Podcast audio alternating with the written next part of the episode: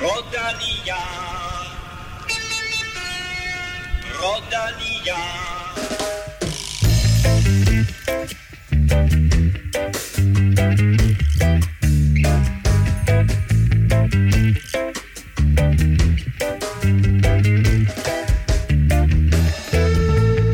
Det er tredje og sidste hviledag i Tour de France, men som sædvanligt hviler Europa Podcast ikke, så i dag kigger vi tilbage på de seneste tre etaper og frem mod den afgørende uge, hvor Jonas Vingegaard har en gul trøje at forsvare. Og så fik Mads Pedersen endelig sin etapesejr, og så endda på fornemmeste vis. Men efter en flot dansk uge, så kom vi lidt ned på jorden igen med styrt, knoglebrud og exit på hver sin måde for tre af de mest markante danskere. Og dermed velkommen til mine to markante hjælperyttere, Kim Plesner og Stefan Djurhus. Tak, tak for det. Tak for det. Uh, the band is back together. Ja, tak. Så hyggede jeg i sidste uge? Ja, altså, det var, det var det, det forkerte tidspunkt, at, at jeg ligesom valgte at holde en fridag det på, var fordi der var, både, der var både gul trøje og Mads P. sejr. Det var jubelugen. Så, men altså, Kim, prøv at høre, en, en Tour de France med tre danske etappesejre, syv dage prikker for kort, og, og nu også en, mm. en gul trøje her på sidste hviledag. Er det her lige nu det vildeste Tour de France, vi nogensinde har været viden til? Altså set med danske øjne. Åh, oh, det, det man altid har i frisk erindring, det synes man jo selvfølgelig altid er sådan lidt, lidt bedre end alt muligt andet, men øh, jeg tror, at 96 var vi jo også godt op at køre, må man sige, og, og ikke kun fordi Bjarne Ries, han, han snuppede den gule trøje og tog den med hele vejen til Paris, men også fordi øh, Rolf Sørensen blandt andet jo også vandt en etape, og øh, vi skal i hvert fald nok der tilbage for at, at finde noget lignende, men jeg synes så, at Tour de France generelt i år, hvis man så lægger turstart i Danmark til, hvilket der jo selvfølgelig ikke var dengang. Ja, det glemte jeg lige at nævne. Og så, øh, og så hvad hedder det, og så, og, så, og så faktisk de her mange fantastiske etapper. Altså jeg synes jo, det ja. har været virkelig, virkelig få. Er der en, to etapper, der var sådan lidt... Lige før Storebæltsetappen var den, var den mindst øh, spektakulære i hele turen. Jeg synes, det har været fantastisk helt generelt Tour de France. Stefan, Jonas Vingegaard i gult. Der resterer fire, kan vi vel sige, reelle etapper og så en enkelt start. Hvor tæt er han på den samlede sejr? Han er, han er ret tæt, men stadig øh, langt fra, hvis man kan sige det sådan, fordi at, øh, der, der ligger et par farlige etaper forud, som, som også ligger rigtig godt til Pogacar, og så, så sidder jeg især og tænker på, på den afsluttende enkeltstart, som er, som er rigtig lang, og, og der skal altså ikke meget til, før, at, øh, før den bliver farlig i, i forhold til Pogacar, som jo kan være lidt uh, nat og dag på den der, hvis man tænker på Tour de France de seneste to år, hvor at uh, sidste år Jonas Vingegaard slog ham. Uh, han kørte, kan man sige, ikke op til, til sit bedste uh, til sidst i Tour de France. Til gengæld i, i 2020, der leverede han jo det her kunststykke, hvor han jo rev trøjen af, af, af Roglic, og, og hele Jumbo Visma-holdet, de bare stod og måbede. Øh, så. Forskellen selvfølgelig var, at sidste år kunne han tillade sig at køre defensivt med 5 mm. minutters forspring, skulle bare yes. være sikker på ikke at styre det og så videre. For ja. i år, der havde han noget at køre efter og viste, at når han har det, så er han dødsensvarlig. Lige skal, han skal nok helst ikke være sådan inden for et minut af Jonas til det. Det er også det, jeg tænker, at, øh, at, og specielt synes jeg indtil videre, så har han altså lykkes med at, at få... Øh, få gjort det lidt farligt for, for Jonas, eller i hvert fald få ham til at være op på stikkerne på, mm. på, på mange øh, momenter, hvor at, at, at Jonas han føler heller ikke sig selv tryg, og, og har været lidt nem at, og, kan man sige, rive ud af, af det der øh, rolige, øh, rolige gemyt, som, som han ellers plejer at være. Og det er jo en af de ting, som du også nævner, Kim, med det her Tour de France, at det har været et af de sjoveste Tour de France overhovedet at følge, øh, på grund af den måde, som rytterne har været villige til at angribe på og lave det uventet. Ja, og, ruten har været godt designet, som, som vi allerede talte med, med Kasper om, vores, vores rutekorrespondent der, at, at han har jo virkelig fået ret i, at, at det her det var så afvekslende en rute, en, øh, meget få chancer for sprinterne, øh, har han mm. i den grad også fået ret i, og, og jamen, det har bare været øh, super godt vedløb de fleste, de fleste dage. Der har hele tiden været sådan et eller andet, enten har det været i udbruddet, eller, eller, eller blandt klassementsfavoritterne, der har hele tiden været et eller andet på spil og det, det er virkelig godt, øh, godt designet. Lige nu der er der en vigtig ting på spil, og det er en gul trøje for Jonas Vingegaard. Vi håber naturligvis på, at han også har den på øh, næste søndag, eller nu på søndag er det jo. Øh, lidt senere, der kan du faktisk høre, hvad Jonas Vingegaard sagde til den danske presse tidligere i dag. Og nu du er i gang med at lytte til Velropa Podcast, så må du også meget gerne lige gå ind og give os nogle stjerner og en anmeldelse i din podcast-app. Det hjælper os nemlig til at komme ud til endnu flere cykelfans i det danske land.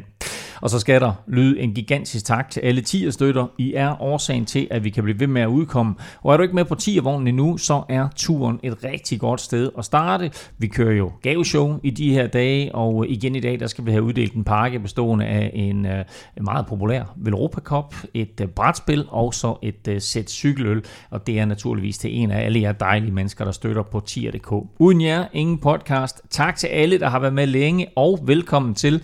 Og jeg så det her, og så tænkte jeg, der er kommet tre nye til, kan jeg lige sige. Det er tre nærmest sådan danske cykelnavne.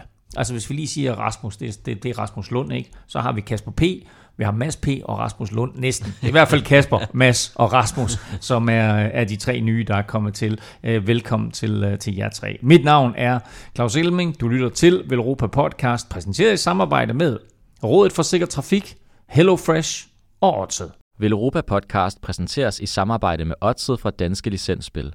Tour de France har forladt dansk jord, men du kan som altid finde Velropa Specials hos Odset til alle Tour de France-etaperne. Husk, at du skal være minimum 18 år og spille med omtanke. Har du brug for hjælp til spilafhængighed, så kontakt Spillemyndighedens hjælpelinje Stop Spillet eller udluk dig via Rufus.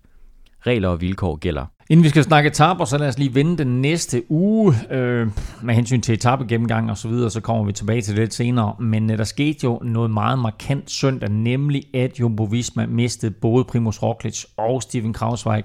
Hvad får det af betydning for Jonas, når feltet rammer pionerende tirsdag, øh, onsdag og torsdag også? Ja, man kan sige, at den her lidt overhånd, de jo havde på sådan rent holdmæssigt, og specielt efter øh, George Bennett var, var udgået som, som Pogacars, eller en af Pogacars stærke hjælper i bjergene, så, så, er, det, så er der som minimum udlignet, synes jeg. Øh, McNulty, Soler, Maika, over for Sepp Kuss, hvis vi skal være sådan helt hårde, og så mm. måske Beno, alt efter hvor meget der er sket med hans hofte. Og, og, så, ja. øh, og, og så var jo Van Aert i forhold til den rolle, han skal have, er jo, er jo meget det her med at være være politibetjent på, på, på første halvdel af, af etaperne, så det er sjældent, han er, han er med helt til, til de sidste bjerge. Så jeg synes i hvert fald, at den, den fordel, de havde der, har de fået spillet af hende, kan man sige, af, af forskellige omstændigheder. Så, så det gør det jo egentlig endnu mere interessant i forhold til pionererne. Måske ikke, ikke så spændende fra en dansk vinkel, men, men hvis man ser sådan objektivt på det. Krausweig ude efter sit styrt. Roglic øh, trak sig i går for at pleje øh, skader, som det lød i pressemeddelelsen. Mm. Øh, danske Mikkel Bjerg sagde til TV2, at han synes, det var noget underligt, at Roglic ikke stillede til start søndag. Hvordan ser I det? Jamen, der har været flere faktisk. Jeg så lige i dag på, var det på Cycling News, at, øh, hvad det hun hedder nu, Philippa York, tidligere Robert Miller, bjergkonge mm. i, i Tour de France, øh, og, og Lance og Hinkapie i deres podcast også er har undret sig. Er York? Er det Robert Miller? Robert Miller, ja. Ikke David Miller, men Robert Miller, den gamle ja. britiske øh, bjerg, Som har skiftet køn? Som har skiftet køn, ja. Ah, okay. Ja, ja. Og er nu skribent for, øh, klummeskribent for, for Cycling News. Så det er velkommen til, til 2022. Ja. Øhm, den, den er sådan lidt speciel jo, fordi, og man kan også se, at alle de danske fans er sådan lidt, hvor våger I at, at sige noget til Roglic, fordi han har jo hjulpet Jonas Vingegaard, så, så på den måde er man... Men det er jo, jeg, jeg ser det mere som det her igen, som vi har været inde på øh, i løbet af, af vores udsendelse også, at de kører det her totalcykling. De vil vinde det hele, Jumbo Visma. De vil, de vil vinde, øh, hvad hedder det, den grønne trøje, de vil vinde etaper, de vil have den gule trøje både til Van Aert og til, til Jonas Vingegaard. Og nu vil de også, altså nu begynder de simpelthen at tænke ud over turen. Mm. De begynder allerede nu at tænke, jamen Roglic skal jo vinde Vueltaen. Mm. Så derfor går det ikke, vi kører han er dobbelt forsvarende, dobbelt forsvarende mester. Og det er jo sådan set også fint nok, at man, man tænker sådan lidt, lidt taktisk og lidt langsigtet der, og det er jo dem, der bedst kan vurdere hans skader. Men igen er det jo, det er jo ikke sådan, at man så siger, man, nu går vi simpelthen all in her, fordi vi føler stadigvæk, at, selv en, en lidt hæmmet Roglic vil jo stadigvæk kunne være en god hjælper for, for, for Jonas Vingegaard. Specielt på grund af, at altså, Rausweig, han, han, øh, går, han styrer efter, det har de nok ikke taget med i betragtning. Men det er ligesom om, at de har den her, vi går simpelthen efter det hele, og så må vi se, altså øh, den måde, de kørte på Granon, der, der sidder Jonas jo også lige pludselig isoleret til sidst, og der er det også igen, vi går efter det hele, vi skyder alting af, og så, må vi, så, må vi, så går det nok, at han sidder alene der til sidst. Og nu er det sådan lidt, nu skyder vi Roglic til Vueltaen, og så går det nok. Og så mm. styrter mm. Kraus, og så går det nok alligevel. Altså, den er sådan en lille smule farlig. Den er ikke så, man garderer sig ikke så meget. Man har ikke den der så meget plan B. Man fyrer alt af på plan A, og siger, vi vinder nok hele lortet. Og indtil videre, der har de vundet hele lortet. Mm. Så det er også svært at kritisere det, men den er, den er bare farlig. Men på, de har også kun gjort det, fordi Jonas har været stærk, og fordi Ja, ja. Øh, Pogacar måske, hvad ved jeg, øh, ikke fik spist nok, ikke fik drukket nok på den ikke? og så Jonas var i stand Ja, til ja. at sætte tre minutter på ham, øh, fordi, øh, som vi er inde på, øh, det er, der er udlignet nu som minimum Ja. på hjælperytterfronten, ikke? og hvis du ser på det, så har Pogacar nok det stærkeste hold i bjergene, og så var det ikke, Stefan, sådan lidt overmodigt og sige, hey, vi sender bare Roglic hjem.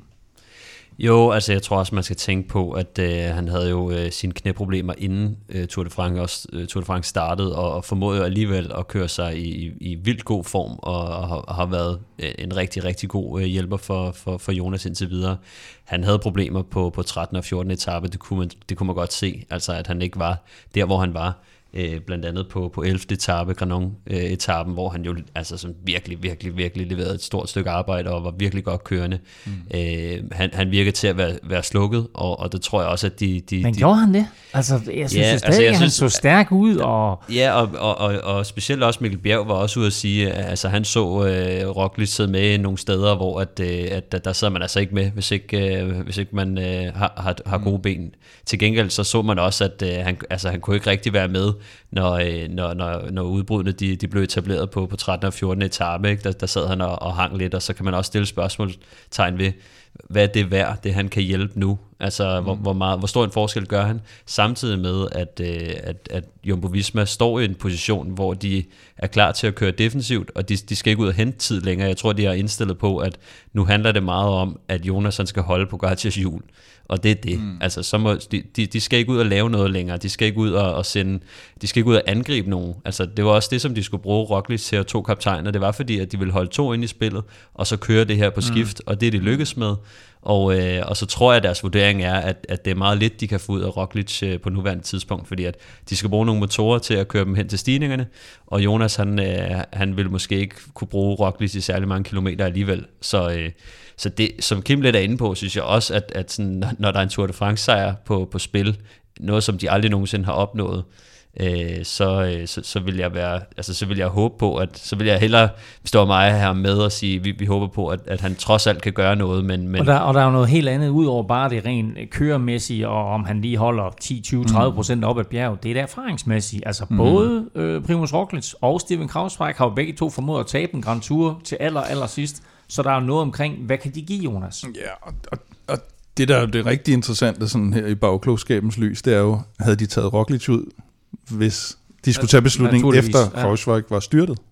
Havde de så også taget ham ud Mm. mm. i det der? Det, det kan man jo ikke vide, men det, sådan, sådan uh, går spillet også. Og så synes jeg også, der er stadigvæk nogle ting i de her taktiske dispositioner, de laver, der viser lidt, at de ikke helt blevet kørt sammen, eller de ikke helt øh, fået den der øh, enhed. De er ikke en enhed som hold med Jonas som kaptajn. Det er også første gang, de prøver det.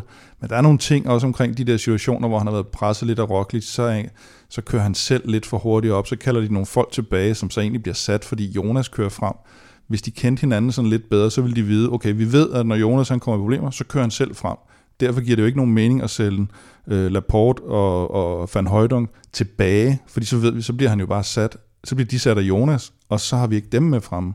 Så der er nogle sådan nogle små ting, som, som man godt kan se, at der skal de lige lære hinanden og, og, og kende lidt bedre. Jeg, Øh, jeg ja. synes også, altså de, de har aldrig været committed øh, 100% bag Jonas. Altså det har de ikke. Det var de ikke sidste år, det har de heller ikke været i år. Og det synes jeg er sådan lidt øh, skræmmende at tænke på, at, øh, at, at holdet har aldrig nogensinde gået ind til Tour de France og troet, at Jonas Vingegaard kunne vinde den og bakke ham op 100%. Altså nej, de er ikke gået ind til en Tour de France, men nu bragte du selv 11. etape op. Den måde, de kørte 11. etape på, øh, og ja, der var hele den der situation med mm. Wout van Aert, som så falder tilbage for at hente Roglic op, hvilket også var lidt mærkeligt set, nu et betragt- et betragtning af, at han er udgået og så videre. Mm. Men den etape, mm. altså der gik de all in for Jonas, Det det gjorde og de. det gjorde Roglic også. Helt klart. Det gjorde de. Altså på Og den det siger måde, Van så- Aute også nu jo, i øvrigt. Han siger, at det, det seneste interview, jeg så med ham, det var, han sagde, nu er det alle mand på dæk for Jonas. Altså Mm. nu, nu... Har Wout van Aert sagt det? Det har Wout van Aert Og nu står verden ikke længere. Nej, det er så, så nu må vi se, om, om det så bliver sådan, Måske- eller om, om han skal i udbrud igen. Øh, Måske var det de sidste krampetrækninger og den sidste chance Radioen, der øh, ikke virker. inden, øh, ja, inden, øh, inden på, øh, hvad hedder det, Champs-Élysées, at, han virkelig skulle ud og, og opsøge det allersidste, inden han bliver tvunget ned i en, øh, øh, en, en hjælperytter. Det kommer vi tilbage til, når vi skal ja. tale 15. etape. Vi kommer også tilbage til Jonas Vingegaard-interviewet, hvor han blandt andet taler om det her med, om han skal køre defensivt eller offensivt. Nu er der til gengæld ikke plads til at gemme sig, fordi nu skal vi. Quiz, øh, og mens jeg var væk, der scorede du jo et point. Øh, Kim, meget behendigt havde du selv fundet spørgsmålet, og Ja. havde selv serveretten og alt muligt. Nej, Så- øh, Stefan fik jo ændret det, sådan at han faktisk tog øh, spørgsmålet. Det, men jeg synes, okay. det var lige fair øh, sidst, som det, som det, Så det plejer at være. Nå, men uh, det står 17-13 til Kim, og dermed så er serveretten tilbage på Djurhusets hænder. Og det gør jeg lige sådan her. Og tager et kort. Og spørgsmålet er, øhm, hvad er den længste etape, der nogensinde er kørt i Tour de France? 35 km. Lidt længere end det. Nå, okay. Øhm, vi gør det på den måde, at I skriver et svar ned hver især, Mm. og øh, den, der er tættest på, vinder dagens quiz.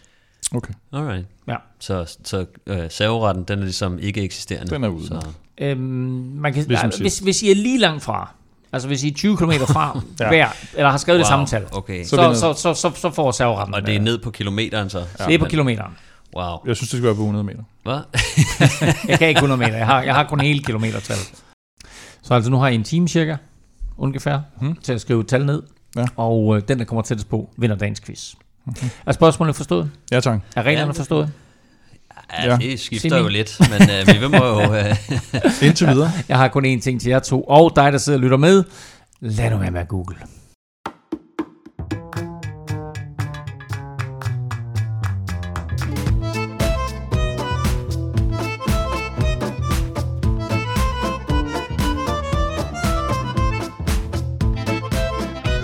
Sidst vi var her, eller jeg må faktisk hellere sige sidst I to var her, øh, der havde Jonas Vingegaard lige sikret sig øh, sin første etappesejr og en gul trøje. Og på 13. etape, altså dagen efter, der fik Mads P. så sin første etappesejr i Tour de France sammenhæng efter øh, at han havde meldt ud også her i podcasten, at han havde sat et stort mm. fedt kryds ud for den der 13. etape. Kim pænt blæret af Mads at melde det ud, og så fuldføre projektet. Ja, jeg synes, det var, det var sådan nærmest bladet fra start til slut, og, og jeg sad og tænkte der i starten, hvor han var så insisterende på at komme med, og man tænkte bare, nej, nej, nej, nu får han brugt hele krudtet der, ikke? Og så når toget kører, så kommer han jo ikke med, fordi han var netop så insisterende. Men han havde bare besluttet sig for, at nærmest uanset hvor mange, der kørte den dag, og hvor mange ryg han skulle med i, så skulle han nok komme med. Og da han sad i finalen, der var han også sikker på, at han skulle nok rykke det hele i smadret. Så, så det var sådan fra ende til anden, var det simpelthen, øh, ja. Man skulle næsten tro, han havde set på øh, Velomandsholdet, at vi havde kørt Mads P-dag, fordi der var eddermame. Jeg har sjældent set en, der har været så, altså, det er i dag, det sker. Jeg kommer selv til at skabe det, jeg kommer selv til at afslutte det, og jeg kører det hele vejen igennem. Det var vanvittigt imponerende. det siger også bare lidt om, hvad Mads han er for en type. Ja. Ikke? Altså, at han både kan sidde med i massespurter, men også har den der styrke der til at, til at, til at gøre det helt alene på så lang en etape, og, og kan man sige, mod så stærke rytter også, at, at han bare fuldstændig smadrer dem. Altså, det, det er jo bare det Mads han kan, og det vi kendte ham fra, fra, fra da han vandt VM også, ikke? hvor man bare ser, at, at øh, på nogle dage, så, øh, så har han bare uanede mængder kræfter. Det, Og, den, og dengang der talte vi om dansk vejr og dårligt vejr, og det var perfekt for Mads P. Jeg har faktisk hørt et par internationale podcasts, som er lidt i chok over, at Mads P. han både kan køre i øh, minus 40 og plus 40. øh, så en, en imponerende dag af ham. Men jeg synes også, og nu har, nu har vi jo talt en del om også, at, at han er blevet chefen på det her hold, og at han har øh, gode hjælpere omkring sig, og at han ligesom bestemmer, hvad er det for nogle etaper, der bliver, hvor, hvor, hvor de skal køre for Mads på. Jeg synes, at en af de mest imponerende ting ved den her etape, det var den måde, Quinn Simmons mm. øh, offrede sig selv for Mads, og også den måde, som Mads på en eller anden måde brugte Quinn Simmons på. Quinn Simmons har jo også taget et kæmpe skridt opad i den her tur. Ikke? Han har været med i rigtig, rigtig meget og været, været, ser det ud som om en af de få, der også har været undgået sygdom på, på trackholdet. Øhm, har jo haft den her lidt hvad skal man sige, hårde øh, indgang til, ja, ja. Til, til det professionelle liv, ikke med, med nogle lidt øh, halv, øh, halvsløje politiske kommentarer, som han blev suspenderet for og sådan noget. Øh, det virker som om, at det er lidt lagt på hylden nu, og nu koncentrerer han sig om at, at køre på cykel, og det er han rigtig, rigtig god til, og det er der ikke nogen, der har været i tvivl om i, i, i nogensinde, siden han kørte som junior nærmest, og, øh, og nu kan man så se det her talent udfolde sig.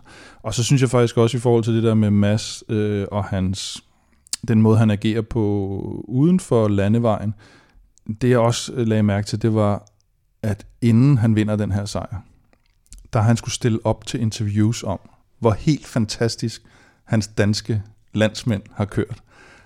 Og der er jo ikke nogen, der mere end Mass er gået ind til den her tur. Det var jo Masses tur, mm, den her. Mm, mm. Og så er det alle de andre danskere lige pludselig, der bare mm. får the shine. Og hver gang han stiller op, så har han holdt sådan øh, et godt fjæs og sagt, det synes jeg er helt fantastisk for de andre, og nej, var det godt for Danmark. Og samtidig har han jo været rasende inde i over, at det ikke er lykkes for ham selv, formentlig går jeg ud fra. Men alligevel har han, har han opretholdt den her, hvad kan man kalde det, facade, eller hvad det er, eller, eller god opdragelse, og, og, og haft overskud til også at anerkende sine landsmænd, samtidig med, at det må have været frygteligt irriterende for ham selv, ja, at han ikke er... men man kan også vente om at sige, det behøver ikke være facade, det behøver ikke være irritation, det kan simpelthen være en, øh, hvad hedder sådan noget, brændsel på motoren. Ikke? Ja, ja, jeg tror også, det har... Siger, det her, ikke? Altså, nu det skal, skal være løgn ja. nu, ikke? Men, men, men jeg synes bare, det er imponerende, at, han ikke, at de ikke har fanget ham en gang i, hvor han har været hissig eller et eller andet øh, og, og, og næsten sagt sådan, Nå, ja, ja. altså prøv, han har jo flere gange, og det gjorde han jo også over for os, da vi interviewede ham i Sønderborg, mm. øh, svinet øh, nærmest sit hold til. Altså vi var bare ikke gode nok som hold, fik han sagt i, mm. øh, i, i Sønderborg mm. der, og, øh, og, og her der kommer han ud, markerer flere dage i forvejen over for os og andre, at den der 13. etape, det er hans, mm. og den må han så gå ind og gøre det her på. Det er ja. vanvittigt imponerende. Og det var ligesom om, at der var noget, måske ejerskab, måske et eller andet, der var bygget op inde i ham og sagde, nu skal det, og han kører jo fra, fra første fløjt Jamen, på etappen her, øh, det er øh, bliver hentet, ser så, hov, der er et udbrud der, mm. som vi skal med i, og det er der, hvor han så siger til Quinn Simmons, hey, kør mig lige op. Ja, plus at det er jo, det er jo så sådan nogle typer som Garner og Kyng, som han slider op senere, mm. som han sætter inden finalen, hvor, han, hvor man kan sige, det er ikke engang sikkert, det har været nødvendigt. Fordi i en spurt, der vil han alt andet lige være bedre end, end, mm. end begge de to. Der tager han lige den for at sige, at jeg kan lige så godt lige oh, jo, lige, men, lige men som han også sagde bagefter, og det var også det, der var så genialt, det der med, at han 20 km fra mål. Øh, Alpecin lægger pres på foran, de vil gerne til mål og have lov til at sprinte for Jasper mm, Philipsen. Mm. Øh, cirka 21-22 km fra mål, der slår de ud. Der kan de ikke mere. Øh, Lotto er væk, øh, Quickstep er væk, og så var der ikke nogen i, i feltet, der havde lyst til at tage teten. Det er nærmest i det øjeblik, de slår ud. Jeg tror faktisk øh, på et tidspunkt, jeg så i hvert fald, det var Bike Exchange med, med Matthews i front, Undskyld, hvor de slog ud, og så ryster de bare på hovedet. Det var ikke det var Bike Exchange, ja. du har helt ret. Men da de slår ud, i det øjeblik, de slår ud nærmest, og jeg ved ikke, hvor lang tid der går en masse, han får en melding om, at øh, nu er nu er feltet holdt op med at jagt. Hmm. Der, der er det, han tager teten, stikker, og øh, får mm. smidt både øh, Køng og, og, og Ganna og en tredje, ikke? Og så, øh, og så kommer til mål med, med, med Fred Wright og man? Hugo, Hugo, Hugo Ull. Og, og det er jo rigtigt, som han også selv siger bagefter, det, det er lidt mere overskueligt dem ved han ligesom, hvor han har, og dem, dem, dem kunne han krølle sammen i en lille pose, og det vidste han fra, fra, mm. han, fra han kommer afsted med dem, og til han kører over målstregen. Det er rigtigt nok, hvis du lige pludselig har Garner og Køng i spil og sådan noget, og hvad så hvis den ene stikker, og så skal han ligge og lukke hullerne, og de kigger på ham og sådan noget. Det vil blive et helt andet game, men det er stadigvæk bare, det er jo stadigvæk bare hårdt at gøre det. Mm. Altså en ting er, at man gerne vil af med de to, men så at sætte to rytter som de to, det er med stærkt. Og du kunne næsten høre chokket i kommentatorboksen også. Altså, det var nærmest sådan en frygt, der gik gennem dem. Nej, nej, nej, nej, lad nu ja. være med at brænde en tændstik. altså, der, hvor, mange, hvor mange tændstikker der er tilbage i den der tændstik? Ja. Og det, og det, de kan også, Matteo Jorgensen var der jo også, ikke? Ja, ja. Så, og hvis man kigger på de tre rytter, er egentlig, nu ved jeg godt, Matteo Jorgensen er også ret uh, let, altså, mm. men, men er også en stor fyr, ikke? Og, og noget af en motor, så, så det, det er vildt, men jeg tror også bare, at, at Mads, han har, han har slået lidt fra, og, og bare slået vedløbshovedet til, og, og som, som vi også snakker om, aggressionerne lidt.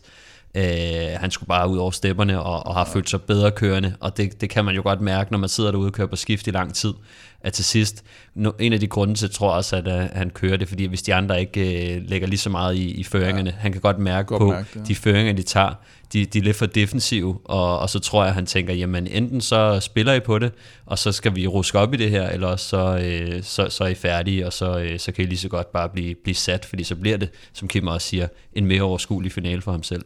Og så er der en lille sjov detalje også, øh, og det var, at jeg vil gætte på, at alle seks rytter mere eller mindre får at vide samtidig i radioen. Ikke? Okay, nu, nu er de stoppet med jagt i feltet. Mm.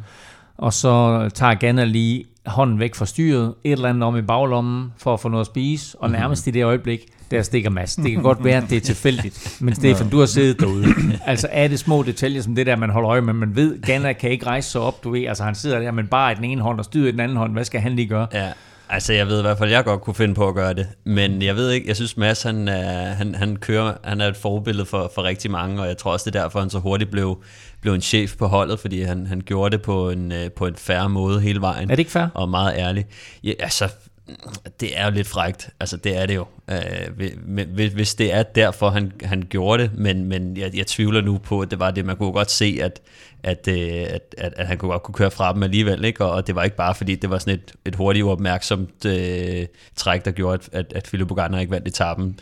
Øh, men, men det er, det er lidt frægt at gøre, men på den anden side, hvad skal han sidde og vente på, at de andre får, får tykket af munden? Altså det, mm. det, det behøver man altså heller ikke. Mm. Øh, men, men, men jeg tror ikke, at det var derfor. Jeg tror, Mads han er meget mere øh, sådan... Øh, han vil gerne vinde på en færre måde, trods alt. Og, og der tror mm. jeg, at sådan nogle små ting er ikke noget, han tænker for meget over.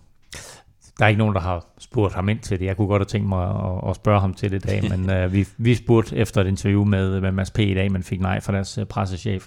Uh, til gengæld, så synes jeg, det var, som du også lige var inde på, Kim, eller også var det dig, Stefan, øh, den der trio af motorer, han sidder sammen med, Matteo Jorgensen, øh, Stefan Køng og, og Philip Buganer, det er vel også genialt i forhold til at holde de der to minutter, som de har næsten hele tiden, uanset hvem det er, feltet prøver på at komme op med, og de bliver selvfølgelig også hjulpet lidt af, at Caleb Ewan styrter, og Lotto dermed så ikke rigtig er i stand mm. til at, at lægge pres på ned bagfra. Men det er jo nogle enormt stærke fyre, der sidder ude i det udbrud, og kan holde feltet væk, selvom der bliver givet gas. Altså, du, du vil jo altid helst i udbrud med netop sådan nogle, altså Stefan Køng specielt. Altså dem, der er så gavmilde med deres føringer. Altså det, det er jo det, man helst vil med. En stor motor, der er gavmild med føring. Mm. Det kunne være en, tidligere har vi set sådan en, uh, en Fletcher, for eksempel, er også en god type at komme afsted med. Ikke den klogeste rytter, men utrolig stærk og utrolig gavmild. Og Kyng er lidt det samme. Han vinder jo meget, meget lidt ud over starter. Fordi Fletcher han, var nærmest uh, klogere uh, som cykelrytter end, det end, end Kyng alligevel. Øh, men, uh, og, og det er, ja, præcis. Garner, uh, og, og få dem til at sidde og holde et tempo, som og når du har de her, altså både har Mass og de tre andre her store motorer, en Quinn Simmons, så kan man jo hurtigt øh, sådan på nogenlunde øh, basismatematik regne ud, hvor mange der skal sidde og føre i feltet for at kunne udligne det.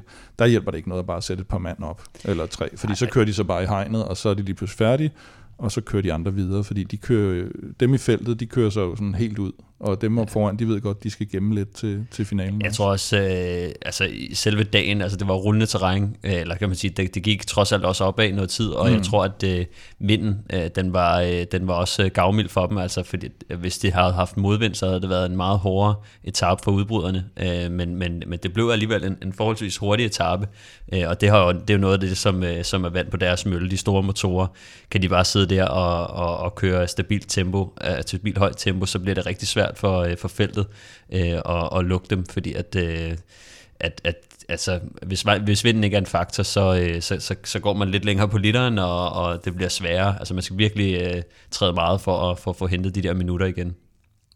Og så lad os lige uh, runde spurten til allersidst her. Uh, han kommer til mål med uh, Fred Wright og Hugo Ull, og uh, sidstnævnte rejser sig op i sadlen et par gange og opgiver nærmest, altså inden han overhovedet har fået rejst op. Ja, og det må vel også bare fortælle Mads, hey, ham der, han slår mig i hvert fald ikke.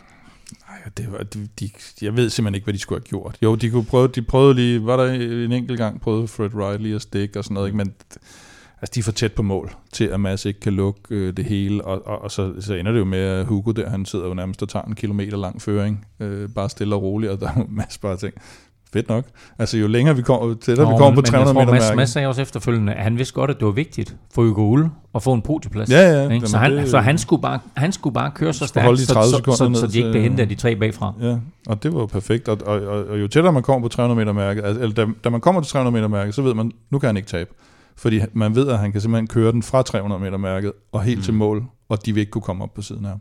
Øh, Så da de rammer der, og de er samlet, så ved man jo, at medmindre øh, han øh, kæden ryger af, eller et eller andet i spurten, eller skoen falder af, eller et eller andet, så, så, så vinder han. altså, den, er- den, altså på det tidspunkt, Kim, der, der er den jo stensikker. Ja. Men altså, kæft, hvor må der gå mange tanker gennem hovedet på ham der. Ikke præcis som du siger, ikke? Hvad nu, hvad nu hvis, hvis øh, jeg ryger ud af, ryger ud af, af Det tror jeg ikke, han tænker på. ikke? Eller- Jeg tror kun, han tænker tror på, øh, på at række armene op og stå øverst på podiet og få, få skrejet den der sådan lidt frustration, der jo må have været over at være sådan lidt, lidt tæt på og alligevel ikke rigtig der i de der første dage, og det der kæmpe forventningspres, der også har været på mig, det pres, han har lagt på sig selv og så videre, ikke? at det så altså ikke rigtig ud til at lykkes. Og så skal vi alligevel hen til, til 13. etape, ikke før det, altså, så har han simpelthen den vedholdenhed, der skal til at ikke give op øh, fordi at det ikke er gået så godt på de første seks eller et eller andet. Jeg skal også den form, han, han har haft hele året, ikke? Og, og den måde, han er kommet igennem bjergene på. Altså, han har haft øh, mange kræfter i forhold til, til mange andre. Det, det, mm. det er jo tydeligt, at, øh, at formen er der, og, og Gud skal takke og lov for, at han faktisk særligt i år er blevet lidt bedre til at, at køre op af, fordi jeg synes, at øh, de, de foregående sæsoner har han faktisk, øh, fordi han er, han er blevet så, øh, så spurtstærk, så, øh, så har han mistet en lille smule af det der mm. med, øh, med, med at køre, køre stærkt opad og, og overleve de der stigninger. Men det viste han jo så tidligere, på, altså helt tidligt i sæsonen, at da han vandt nogle af de der øh, finaler, hvor det gik opad også, at, øh, at han var altså klar på, øh, på, på at køre lidt opad og, og stigningerne, så blev, blev måske en, en, en tak mere øh, holdbar og måske lige øh, slimmet sig en lille smule ned til at, til at kunne holde øh, bedre til det. Og så er det jo, at man over dagene, når man kører op og ned så, øh, på den måde, som de gør i Tour de France, at, at, at øh, energien, den, øh, den bevarer man altså lidt øh, nemmere. Energi og træning og spisning hænger sammen, og derfor så øh, skal vi nu tale om noget helt andet. Aftensmad. Stressende indkøb i ulvetimen. Ingen tid til et hjemmelavet måltid. Med Hello Fresh er oplevelsen anderledes. Du får enkle opskrifter og lækre retter, som hele middagsbordet elsker.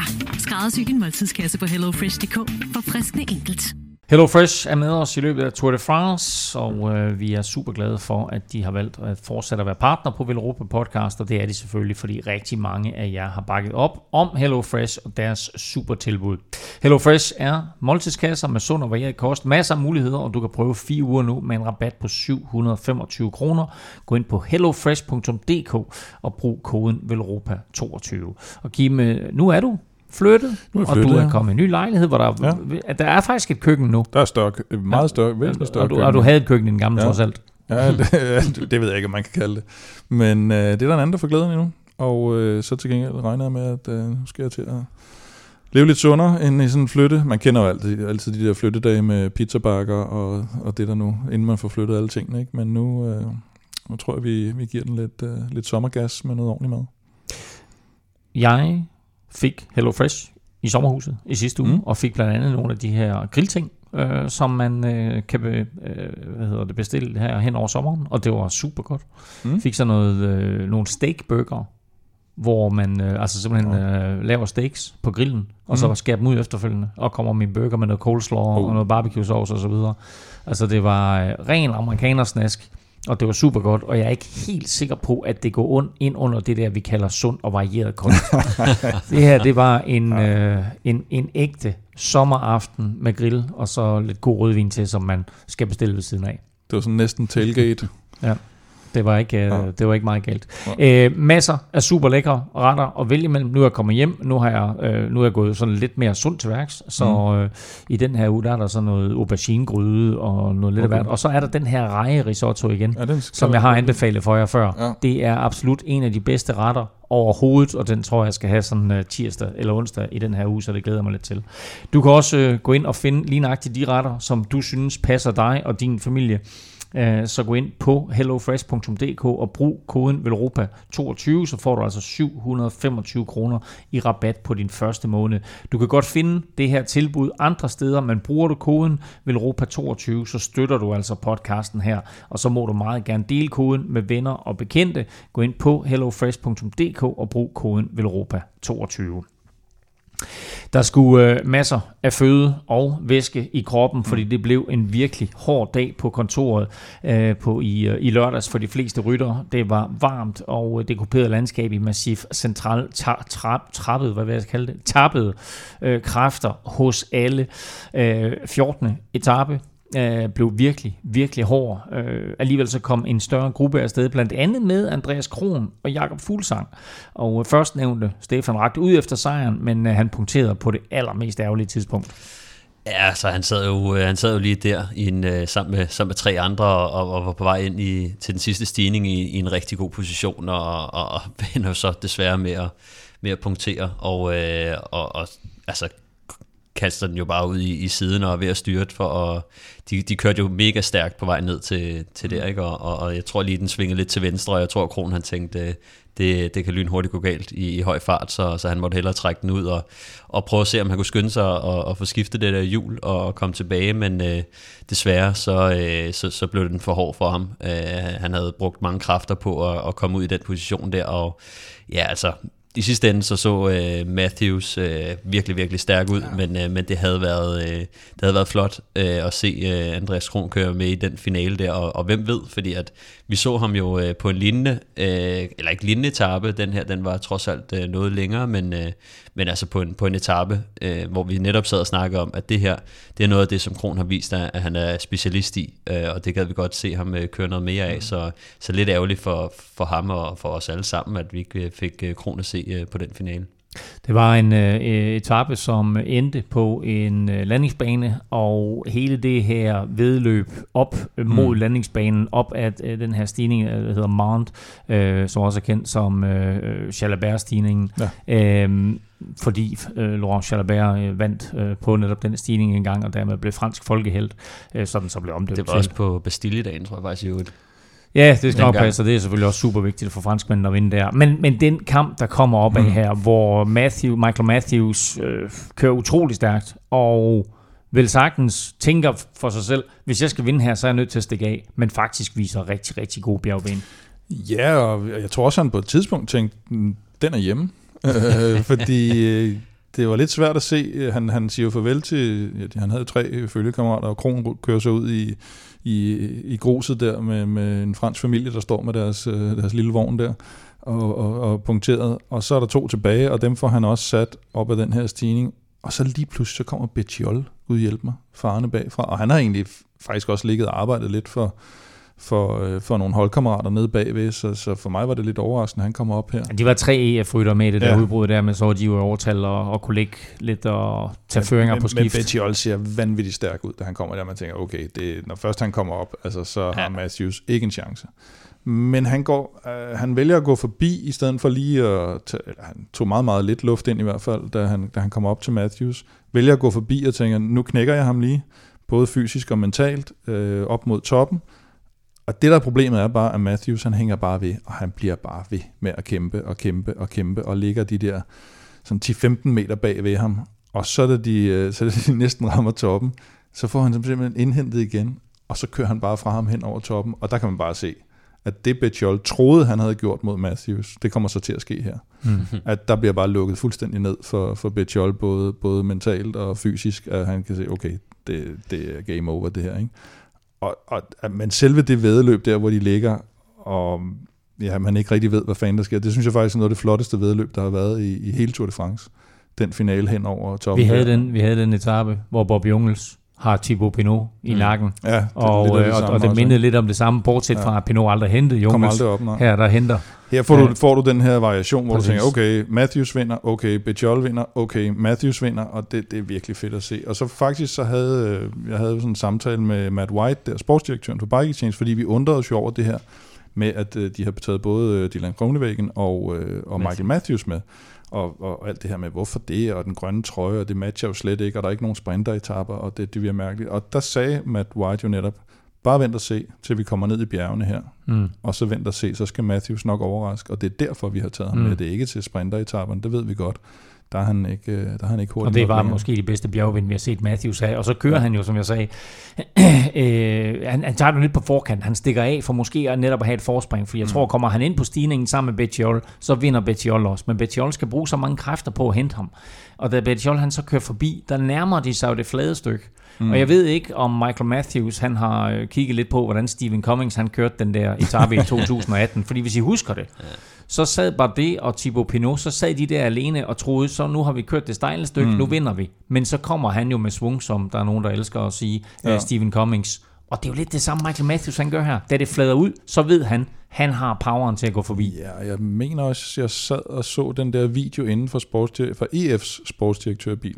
Altså Bechols sportsdirektørbil, hvor Jonathan Waters han, han også sagde på Twitter, undskyld, øh, min, min familie vil ikke blive, eller min mor vil ikke blive stolt over mit sprog.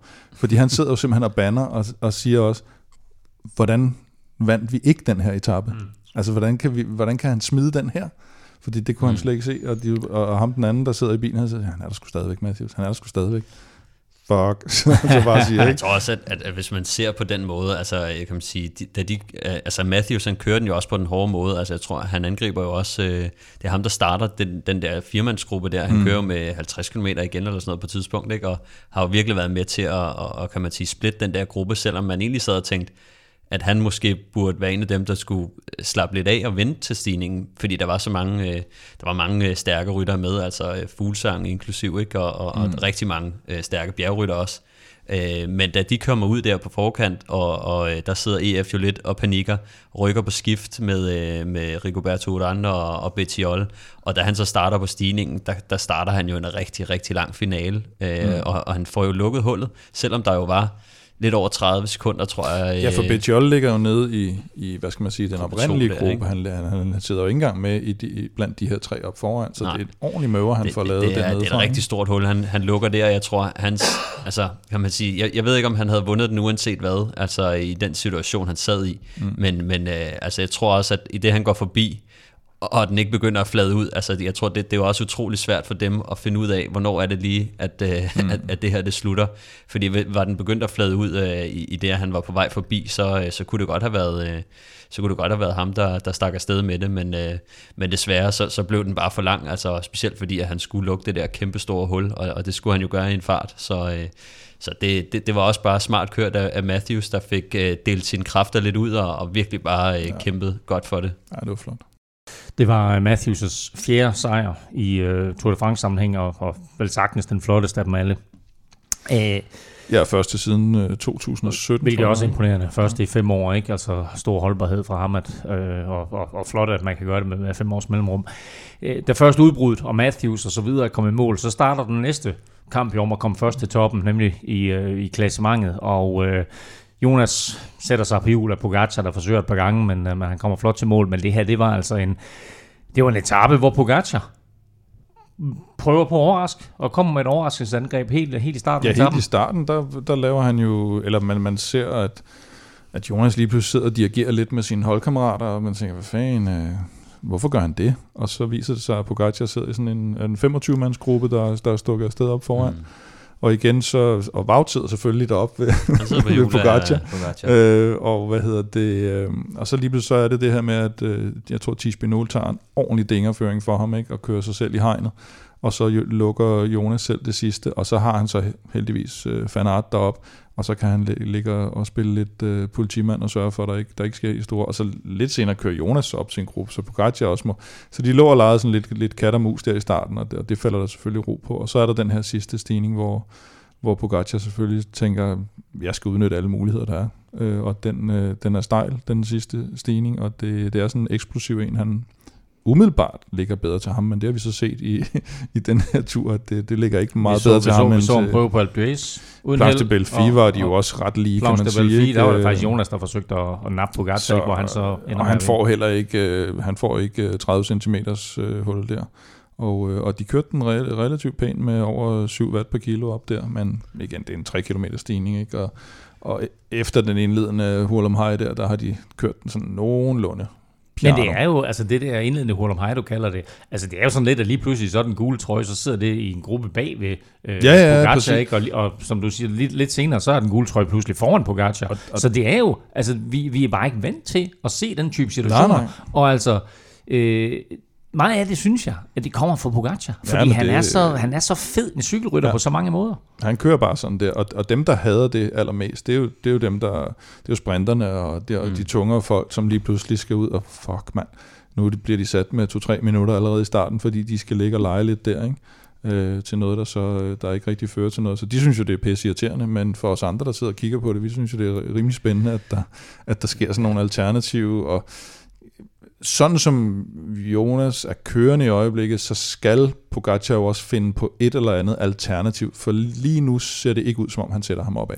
Så han skal finde en anden måde at hente de her to minutter Og på. jeg tror også, at, øh, at Pogacar, han, han synes jo, det er fedt, at, øh, at der er lidt af den der splittelse. Ikke splittelse på, på Jumbo Visma, men der er forskellige interesser, og kan man sige, holdet øh, har, har været sådan lidt øh, i krise på en eller anden måde. Ikke? Altså mister nogle rytter og sådan noget, så, så han vil jo gerne prøve at se, om han kan skabe noget kaos i starten, der kan blive til et eller andet gruppe, hvor at hvis han lige pludselig kunne sidde i et 20-mands udbrud, der kører efter sejren, hvor han kan køre med, øh, så, så ville det jo være perfekt, øh, hvis han kunne sætte øh, Jumbo Visma lidt i, i knibe, og, og, og så specielt det der med Wout van Aert, altså øh, at han sidder lige pludselig foran, og ikke lader sig falde ned.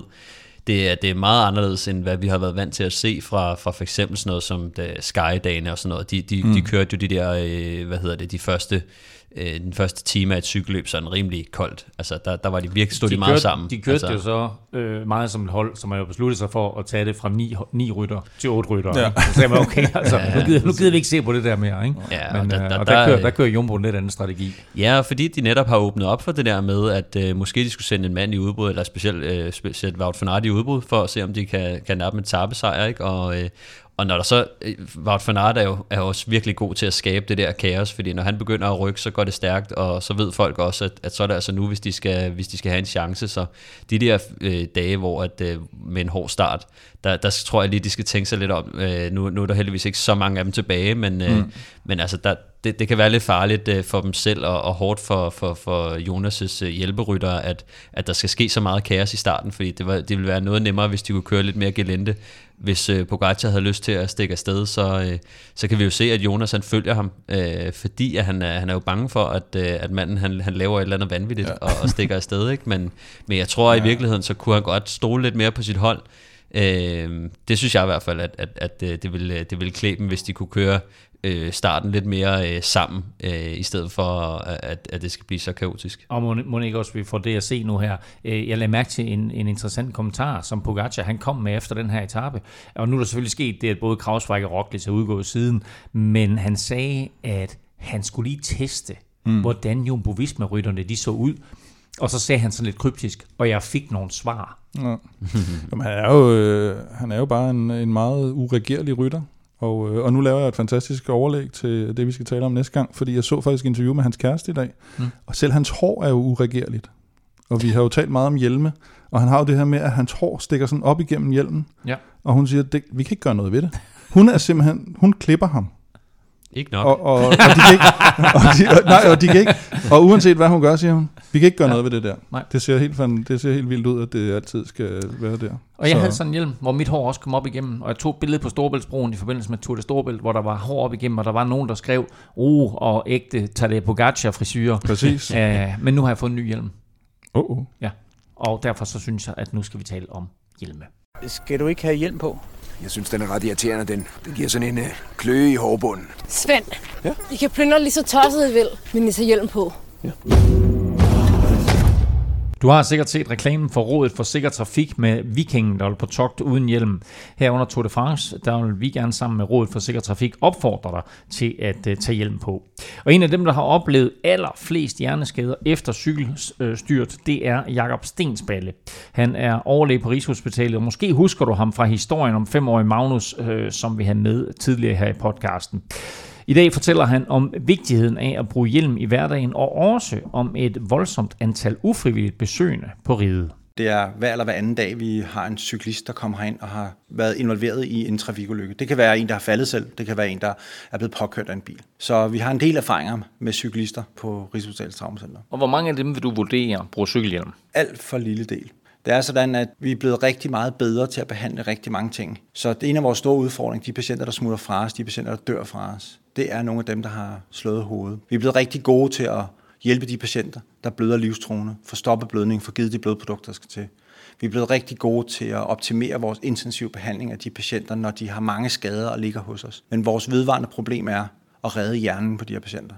Så når man først har slået hjernen og har fået en blødning på overfladen af hjernen eller inde i hjernen, så er det en patientgruppe, vi har rigtig, rigtig svært ved at hjælpe. Faktisk er det sådan, at mere end 50 procent af de patienter, der dør efter en ulykke her på Rigshospitalet, det er patienter, der har fået hjerneskade i forbindelse med en ulykke. Så det er den største årsag til dødelighed hos os. Det er den traumatiske hjerneskade. Det er den, vi er sværest ved at behandle. Og derfor er det så vigtigt, at man forebygger de her ting. Hvor mange af de her alvorlige hjerneskader vil du vurdere kunne have været undgået ved brugen af cykelhjelm? Det er en stor del. Det er sådan, at hvis man tager nogle patienter, og de falder på cykel, så er det helt klart, at hvis man har cykelhjelm på, så beskytter den rigtig, rigtig godt, og vi er tæt på 90-100 procent. Modsat hvis man ikke har cykelhjelm på, så er der en ekstremt stor risiko for at få brud på kraniet eller blødninger inde i hjernen. Og så snart man har blødninger inde omkring hjernen, så er vi derinde, hvad vores bevidsthed er. Det er der, hvor vores funktioner er. Det er hjernen, der styrer vores vågenhed, vores arme og ben. Det er den, der udgør, hvem vi er som personer. Så, så hjernen er enormt kostbar, enormt følsom. Og derfor er det simpelthen så vigtigt, at man beskytter mod den her type slag. Senfølgerne i forbindelse med det her, den her type skader, de er så alvorlige, og det er sjældent, at vi får patienterne helt tilbage til den samme gode person, som de var før ulykken. Når du ser øh, cyklister sådan i dagligdagen, cykle til og fra arbejde, eller hvor de nu bevæger sig hen, uden cykelhjelm, hvad tænker du så? Jeg tror ikke, folk er klar over, hvor alvorligt det er, når de først falder. Øh, jeg selv bruger cykelhjelm hver dag. Jeg er selv meget opmærksom på mine kollegaer, hvis jeg ser dem uden cykelhjelm. Jeg synes, det er ærgerligt, at vi ikke passer bedre på os selv. For man har kun et hoved, og går det i stykker, så kan man blive ændret for resten af livet. Sådan sagde Jakob Stensballer, altså overlæge på øh, Rigshospitalet, og han ved uh, om nogen, hvad han uh, snakker om. Uh, og så kan det godt være, at ens hår ser lidt sjovt ud, eller man får sådan en Tadej Pogacar frisyr. Ja, uregerligt hår, ja. Men uh, det er en opfordring herfra. Uh, husk hjelmen også til hverdag. Og vil du vide mere, eller vil du måske endda se hele reklamen med vikingen, der skal på togt, så gå ind på sikkertrafik.dk. Vi talte om 14. etape lige før, og øh, på trods af den her øh, fuldstændig vanvittige øh, hededag, så var der faktisk ingen, der udgik på etappen. Men Inden 15. etape øh, var der, som øh, vi talte om tidligere, en meget markant DNS, nemlig Primus Roglic, som valgte ikke at stille sig til start, dog ikke på grund af, at han var dehydreret, men altså, som vi også talte om, fordi at han havde nogle, pleje, øh, nogle skader, der skulle plejes, og så måske en kommende Vuelta, som øh, han tænker lidt på. Øh, desværre så kom der også mm. en anden, og sådan set med danske øjne, meget ærgerlig DNS, nemlig Magnus Kort. Det blev ikke mæstlinger, der fik krammet på ham, men øh, derimod øh, corona. Ja, det var... Øh, altså, han har jo haft det før. han er ikke helt op på, på Sagan og Gaviria med, med tre gange corona, men han er da i hvert fald op på to nu. Og, øh, og det, ja, det var, det var sgu lidt ærgerligt. Jeg så den der, der kom den melding på Twitter fra hende her, Orla fra GCN, øh, der, der skrev det, og jeg, jeg håbede sådan til det sidste, fordi hun var den eneste, der havde skrevet det i starten at det var noget, noget hun havde fået galt i halsen eller et eller andet, at, øh, at, det, var, det var noget, at det var noget andet, der var sket. Men øh, desværre, ude med corona, og det kunne have været fint at have ham i spil til den her mest angrebsivrige, tror jeg, i, i Paris. Den havde en, en, en færre chance for at, at få fat i, faktisk. Nok i hård kamp med, med Wout van Aert, tænker jeg. og det var lidt ærgerligt også, fordi det her, det var jo lige inden etappen til Carcassonne. Og ja, det var jo netop ja. Carcassonne, hvor han uh, vandt uh, sin første Tour de France-etappe. Nu har han altså to, og det må så blive det indtil uh, næste år. Men han så bare super, super skarp ud. Så ærgerligt, at uh, Magnus selvfølgelig ja. er ude af Tour de France. Og som du også siger, ærgerligt, at han ikke får chancen for måske at komme på podiet uh, i Paris som uh, turens mest angrebsivrige. Til gengæld så er der en rytter, som faktisk måske ja. lidt overraskende er i spil til at blive den mest angrebsivrige. Han hedder Wout van Aert, og han burde måske nok øh, fokusere lidt mere på at beskytte sin kaptajn, end selv at gå i udbrud. Fordi den her etape starter helt bizart med, at der kommer en tremandsgruppe af sted, der hedder Niels Pollitt, Mikkel Honoré faktisk, mm. øh, som vi ser øh, endelig være lidt øh, tilbage i form, og så Wout van Aert. Og alle sad og talte om, hvad sker der der? Og så pludselig ser vi også Jumbo-bilen komme kørende op på siden af ham, og så sige, nå, hey buddy, øh, tag lige et par flasker vand, og så falde tilbage. Ja, men det er det her med, at, at det bliver tydeligere og tydeligere i hvert fald, at, at, at, at han skal ligesom beordres til at lave de der holdindsatser, fordi altså, han kører, indtil han får noget andet at vide. Der kører han sådan lidt for, for, for sig selv, havde han sagt, og så stikker han bare i sted i alt, hvad der er. Og han kommer selvfølgelig også fra, fra cross, og, og der, det er jo øh, det er jo ikke helt den her holdsport, det er jo meget mere en individuel, hvor du stikker af nærmest fra, fra nul, øh, og, øh, og der, der, der kører man på en, på en lidt anden måde, og måske er det det, der han, han tager lidt mere over her.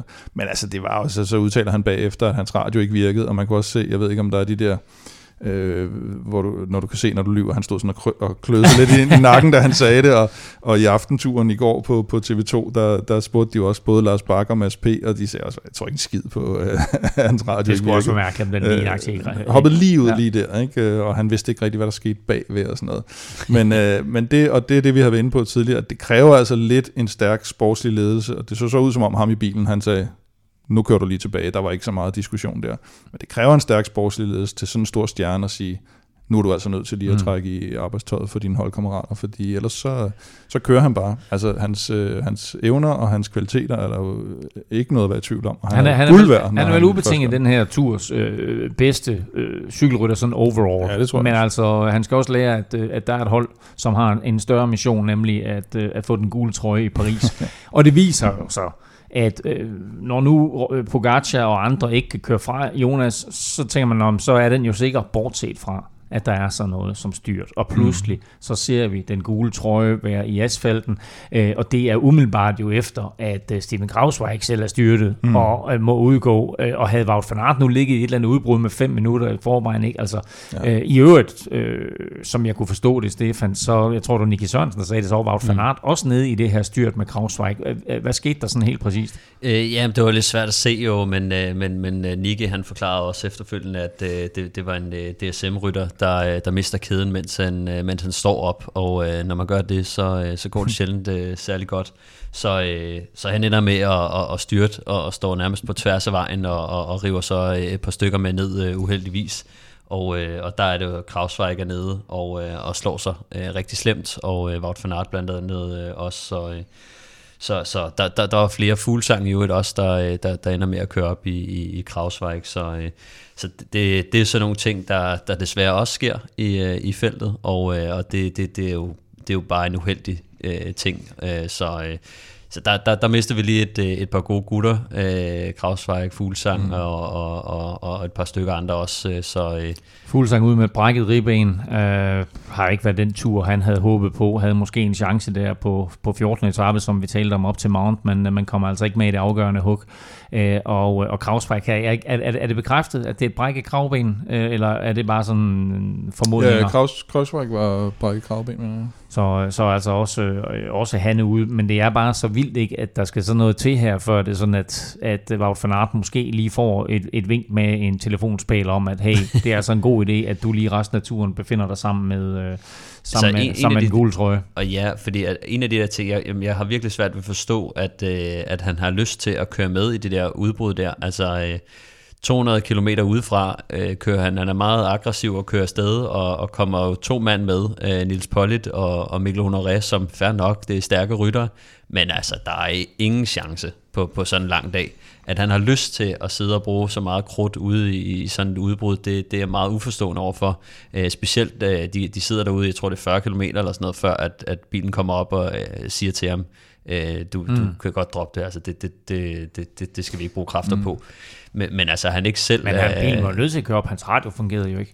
ja, men altså, øh, altså jeg vil også sige, jeg ved ikke, om det tog øh, alle 40 km før bilen kom op, men, øh, men, men altså, det, det synes jeg er meget mærkeligt. Og en af de ting, som jeg synes, at, øh, at, at de slet ikke har fokuseret nok på, øh, og måske også skylden til, at de mister sådan nogen som Krausweig, det er, og igen, jeg vil bare fremhæve en af de måder, som, som øh, kan man sige, Sky Ineos har, har gjort det på. De, de går rigtig meget ud af, og det, det har det er mange andre hold tidligere også, der har gjort ud af. Hold din kaptajn ude af problemer, hold dem fremme, investere nogle krudt i det.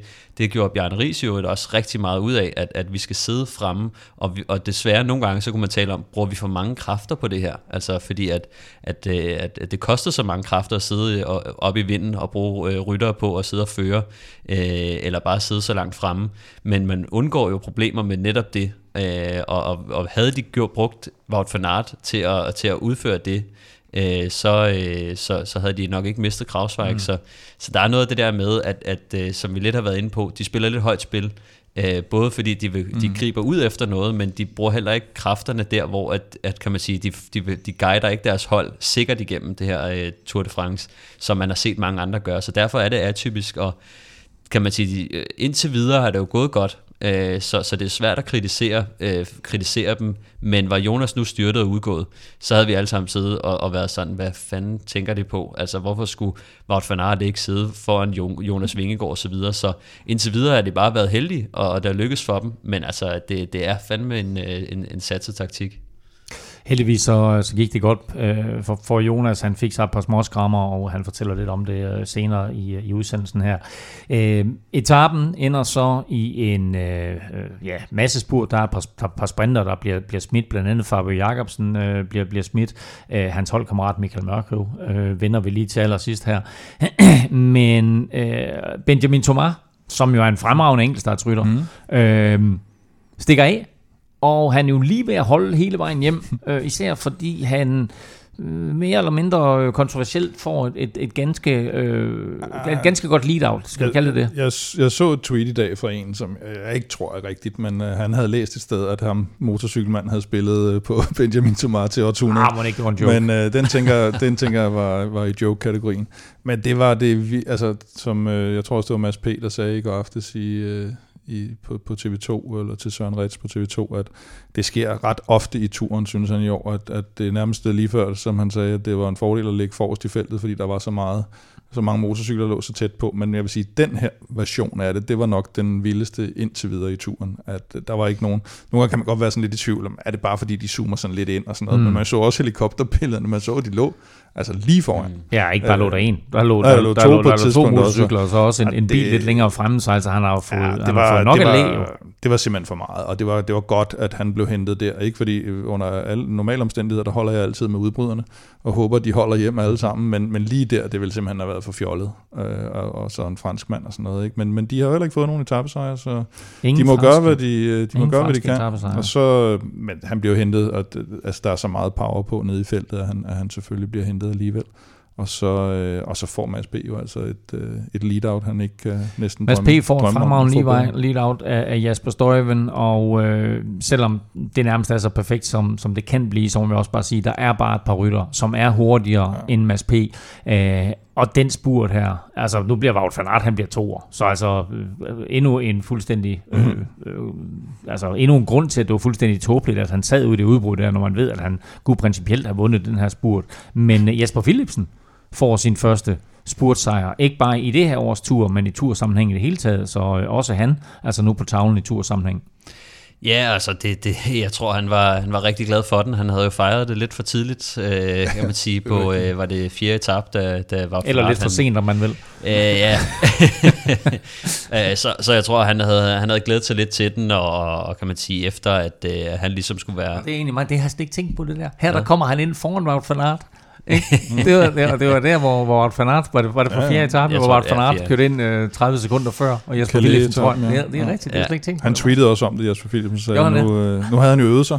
Øh, på fjerde etape, så nu, ja. nu, nu var den der. Nå, det er meget sådan god, ja, jeg vil sige, god humor. Den, den måde, han kørte den finale på, øh, det, det, var sgu, øh, det var sgu vildt. Altså, man kunne se, han, han sad faktisk ikke i, i super god position, men øh, får kørt sig op der lige i det sidste bløde sving der, får han bare klemt sig ind øh, foran øh, Wout van Aert og, og, og bag ved, ved Mads Pedersen og, og dermed får han selv skabt øh, en, en super god situation for sig selv, og, øh, og, og er bare, altså, har benene til at træde den hjem, og vi kender ham jo for de der mega lange spurter, og det, det, det er en stærk sprinter, vi har med at gøre, øh, når, når man kan køre sine spurter øh, næsten mere end 300 meter udefra, og man selv kan lave sådan et, øh, kan man sige, sådan, sådan ryg lige op til sin spurt. Øh, det, det er de færreste, der kan det. Vi, vi, vi ved, hvor svært det har været for sådan en som for eksempel Caleb Ewan, øh, der selv har skulle klare sig selv i de der finaler, men han har altså ikke formået at, at, at komme frem der, hvor han skulle, og er blevet meget lukket inde, så, så der vil jeg bare sige, der, der er noget rigtig vedløb over øh, Jasper Philipsen, og den måde, han klemmer sig indenom. Øh, Mads og, Mads, og Mads er også venlig lige at åbne op. Altså Mads han er jo utrolig færre og, og sportslig. Øh, der, der er virkelig sportsmanship øh, over det Mads han gør der, fordi øh, han kunne snilt have, øh, have lukket den der øh, en kvart meter længere inden, og, og så, havde den, øh, så havde den nok været lidt for farlig for, for Jasper Philipsen det, der vælger han så at åbne op, fordi han er, han er en færre rytter, og har nok ikke... Det er lidt sjovt med Mads, fordi jeg tror ikke, han har så meget lyst til at vinde på den måde, men det tror jeg, mange andre er, er skide ligeglade med.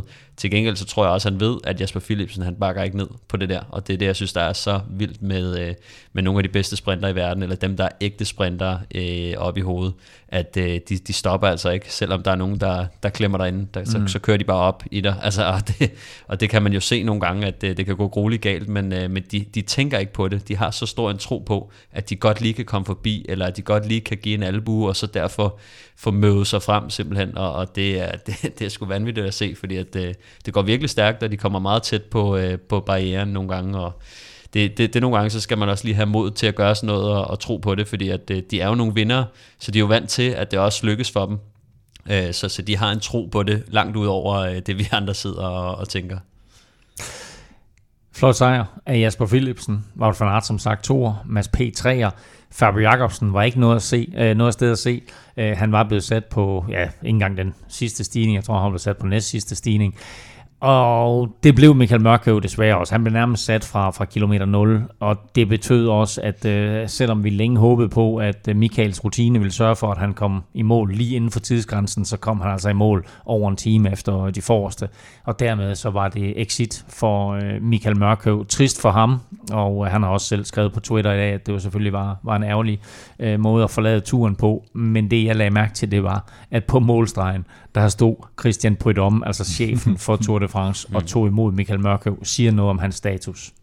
Ja, absolut, og, og, og man, man vil jo næsten sige, at, han, øh, at Mørkøv burde sige til ham, nu må du lige, nu må du lige lave en undtagelse i dine egne regler, ikke? fordi dels står han og tager imod ham og hylder ham, og så er det hans egen regler, der så siger, at selvom du har kæmpet dig i mål her, så smider vi dig altså ud. Men, så, men, sådan, det, men, men det skal der også være. Der skal plus, jo være plus de at reglerne i forvejen var lempet. Der var ja, ja, sat op til 20 procent, ikke, så der ja, var ekstra tid, men, øh, men Mørkøv havde det dårligt, han var syg ja, og, og var, havde ingen chance. Det var varmen, der, der, der slog ham ud der, ikke? Og, og man kan sige, Quickstep, de havde et par forrygende dage der i, i Danmark til at starte med, og det ja. skal de så åbenbart være glade for nu, fordi øh, siden er det altså ikke gået er det ikke gået alt for godt for dem i forhold til, hvad de, hvad de plejer at, at diske op med. Så, øh, og med mørke ude, og Fabio Jacobsen ser ud som om, at han er den af sprinterne, der har det aller dårligst faktisk, til trods for at Caleb Ewan han, Caleb Ewan har også haft lidt skidt, til gengæld ja. så har han også vist i løbet af turen, at, øh, at, han er faktisk er virkelig, virkelig stærk, altså ja. når, han, øh, når han lige finder benene.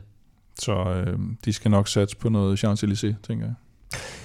Mørkøv, desværre, ude af turen. Jeg synes, uh, drenge, at vi skal uh, sende ham en uh, Velropa Cup som et, uh, som et plaster på såret. og den Velropa Cup, den kan du faktisk vinde nu, fordi uh, vi trækker lod om en kop, og så trækker vi også lod om et sæt cykeløl fra People Like Us, og så brætspillet Pro Cycling Quiz, som Mati Brichel som uh, bekendt har været med til at lave. Og det gør vi selvfølgelig blandt alle jer, der støtter på tier.dk, og Stefan, vi skal have fundet vinderen af ugens turpakke.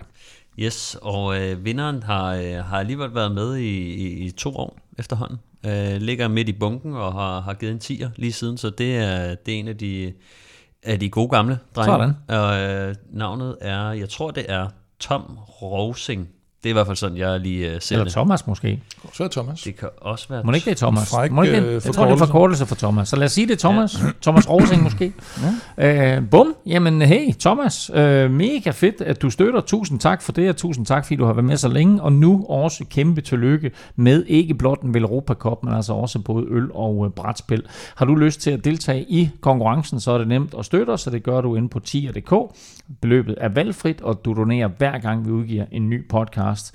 Og øh, når du så donerer, så deltager du altså automatisk i øh, lodtrækningen. Og vi gør det jo som sædvanligt på den måde, at for hver femmer du donerer, der får du et lod i puljen, så jo større beløb, jo flere lodder, og dermed øh, altså større chance for at vinde. Og ja, vi udlodder samme pakke på torsdag, når vi er tilbage. Du finder link både på velropa.dk og på tier.dk. Mange tak for støtten til alle, og tillykke til Thomas. Som bekendt, så er der altså hviledag i øh, Tour de France, og Jonas Vingegaard, han gav øh, et øh, fælles interview tidligere i dag til øh, den danske presse. Her fortæller han, at han øh, glæder sig til øh, den sidste uge, hvor han ikke kun har tænkt sig at køre defensivt. Jamen det, man vil selvfølgelig gerne have så stort et, øh, et forspring som muligt.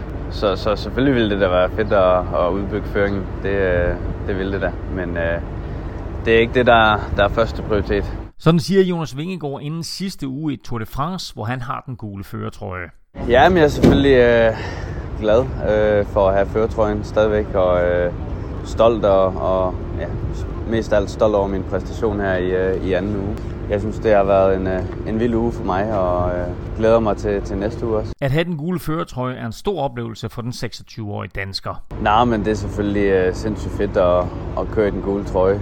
Sidste år var jeg også så heldig at få lov at køre i den, i den hvide ungdomstrøje, men øh, jeg synes nu, det er lidt federe at køre i den, øh, i den gule trøje og, og opleve det, og jeg vil da sige, at der er nogle flere, der, der hæpper på mig derude. Den gule føretrøje giver øget respekt og endda også hjælp fra uventet kant. For eksempel i går, da jeg, da jeg styrtede og kom tilbage til feltet, der, øh, der var der lige en fra, fra Israel, der hjalp mig op i front af feltet igen, så øh, tak til, til Hugo Hule, der, der hjalp mig frem i feltet. Det, det er jeg glad for, at han gjorde. Men med føretrøjen følger også øget opmærksomhed og ekstra forpligtelser efter hver etape. Man skal snakke med, med pressen, og der er presse, pressemøde øh, hver dag, og øh, dopingkontrol, og øh, ja, jeg er jo nok den sidste, der tager, tager væk fra målområdet hver dag, så, øh, så det er selvfølgelig lidt længere, men øh, jeg synes egentlig indtil, indtil videre, der har det været meget fint. Øh, jeg havde troet, det var værre, end det egentlig var.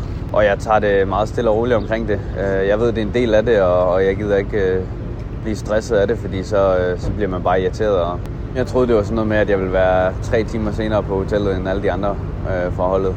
Men øh, nu har vi jo været så heldige at få politisk kort hver dag ned fra, fra bjergene, så øh, jeg er nærmest den første, der har været på hotellet for holdet, så, øh, så det har overhovedet ikke været, øh, været slemt. Søndagens 15. etape bød på en tur i asfalten for Jonas Vingegaard, men endnu værre, så mistede han en vigtig hjælper, da Steven Krausweig måtte udgå efter sit styrt. Ja, men det er selvfølgelig noget, noget lort for sit liv, at vi, vi mistede Steven. Uh, vi har alle sammen set, hvor, hvor stærk Steven han har kørt i de sidste, de, de sidste par uger, og uh, han, øh, han ville have været en rigtig vigtig hjælper. Med Krausweig ude kan danskeren godt se problemet, hvis Team Ineos og UAE pludselig begynder at angribe på skift.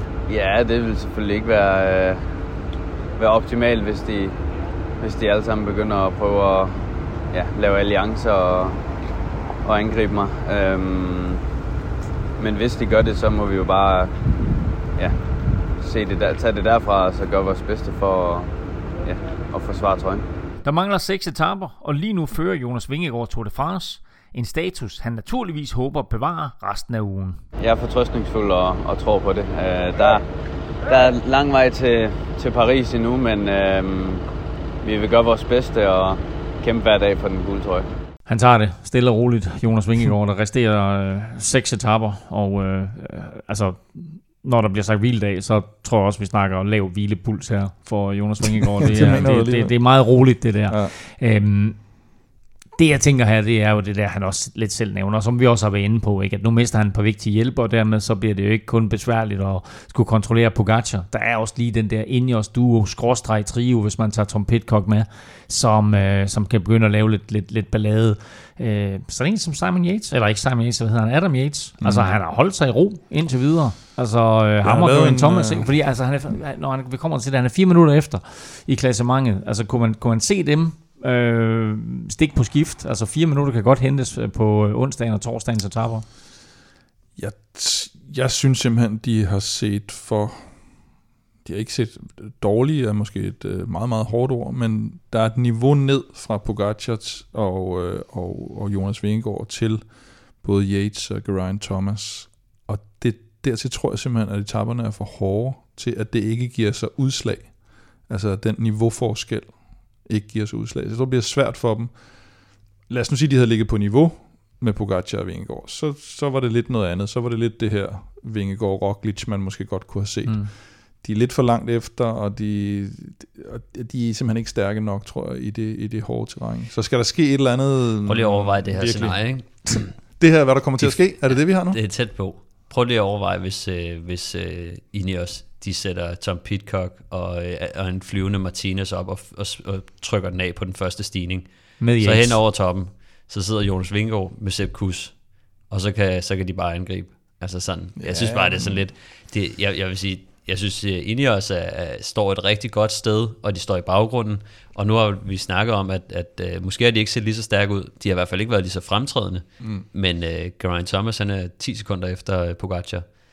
Altså, jeg ved ikke, jeg, jeg, jeg ved godt, jeg er enig med, at... Og han at, er nogenlunde lige så langt efter Jonas Vingegaard, som Roglic var efter Pogacar, hvor Pogacar trods alt følte sig nødsaget til at lukke øh, Roglic, ja, ikke? Så, så, så, så, så hvor, jeg synes hvor i hvert fald, de har nogle spændende kort på hånden. Altså, jeg ved godt, at, øh, at Pitcock, han er jo de her øh, knap 9 minutter bagefter, så, mm. så han er jo han er en stærk rytter, og, og, og som en, måske en, de ikke kan lade sejle alt for langt, men de har trods alt et, et hold, øh, til, der, der, der stadig godt kan køre den, køre den sikkert hjem, og han ikke bare kan køre afsted med, øh, med syv minutter på et eller andet etape og køre sig helt ind i spillet, men, men jeg synes virkelig, at Adam Yates og Geraint Thomas, de, de, de sidder godt i det, og de har også selv været ude og snakke om det her med, at det, det ser altså lidt interessant ud nu, hvor, at, øh, hvor, hvor Krauswijk er ude, ikke? og Roglic er ude, fordi at nu, nu bliver det lige pludselig en, mm. en lidt nemmere øh, nød at knække for dem, øh, og, og jeg tror helt sikkert, at de skal prøve, fordi de har faktisk ikke rigtig prøvet noget øh, indtil videre, altså sådan på, på, på sådan den, den store klinge. Så. Det tror jeg, fordi de ikke kan.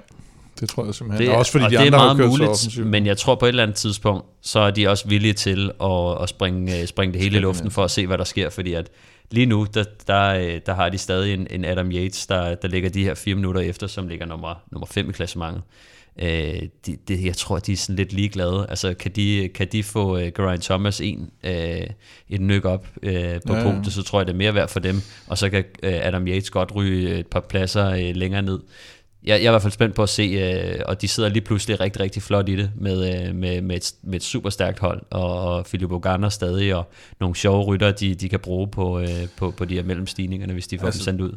Det, der, der indikerer for mig, at de ikke rigtig selv tror på det, det er jo det her med, at de går lidt for meget efter etappesejr. De sender Pitcock ud på alt dyres, de sætter Garner ud, de har sendt Van Barle ud, de sender Danny Martinez ud nu. Altså på etapper, hvor det ikke har noget med klassementer at gøre, hvor de går mm. decideret efter. Selv Castro Viejo kørte efter en etape på et tidspunkt. Hvis de virkelig troede på det, så ville de fokusere meget mere på klassementet og ikke begynde at jagte etaper og alt muligt. Jamen, man kan jo godt, to, de man kan jo godt have fokus på begge dele. Ja, det, det har vi set jo. Man kan have fokus på Vuelta og grønt trøjer, alt muligt. Men når Ineos kører klassement normalt, så, jo, så lad, os prøve, lad os prøve at vente den om. Simon Yates førte Gio Detalje efter 14 dage, hvor han gav den fuldstændig vanvittig gas, og så gik han helt ned i tredje uge. Her der har Adam Yates. Skal lave en omvendt Yates? Ja, ja. her har Adam Yates sådan spillet den stille ja. og roligt i de to første uger. Han er kun fire minutter efter. Ja, ja. Nu har han måske flere kræfter end så mange af de andre i tredje uge. Jeg tror ikke, han gemmer på, på en kæmpe reserve øh, lige nu, men, men, men, øh, men jeg synes, de er kommet flot igennem, når man tænker på, hvor, hvor lidt man egentlig har, har sådan snakket om dem og tænkt på dem. Altså, det har været ja, meget... Øh, Vingegaard og, og Pogacar i fokus, men, men lige pludselig, så synes jeg altså, at øh, kigger man på, på, på, på deres hold, øh, så, så tænker jeg sådan, jamen, øh, Ineos, de, de er stadig fuld hold, og, øh, og, og de, de har altså et godt hold. Altså, det, der er også Dylan van Barle, og øh, mm. altså, Danny Martinez, som stadig er stærk opad, og Pitcock. Og, så der er gode folk omkring Adam Yates og, og Geraint Thomas. Så, så lige nu har de kortene på hånden. Det er bare et spørgsmål om, kan de spille dem på den mm. rigtige måde? Kan de få skabt en spændende situation? Øhm, kan de trykke af i noget sidevind, faktisk? Hvad, hvad er Jumbo nede? De er nede på, nede på 6 mand, ikke? Og jo. UAE, er de på 6 eller 5? 6. 6 også.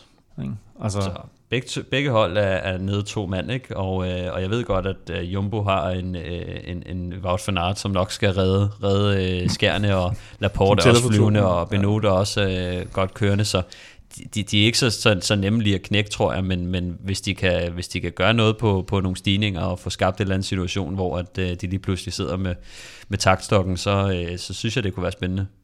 Og lad os nu, øh, har vi øh, øh, hvad hedder det, danset nok om den varme grød, lad os endelig lige få at høre, hvordan stillingen ser ud i Tour de France her efter anden hviledag, tredje hviledag. Vil Europa Podcast præsenteres i samarbejde med Odset fra Danske Licensspil.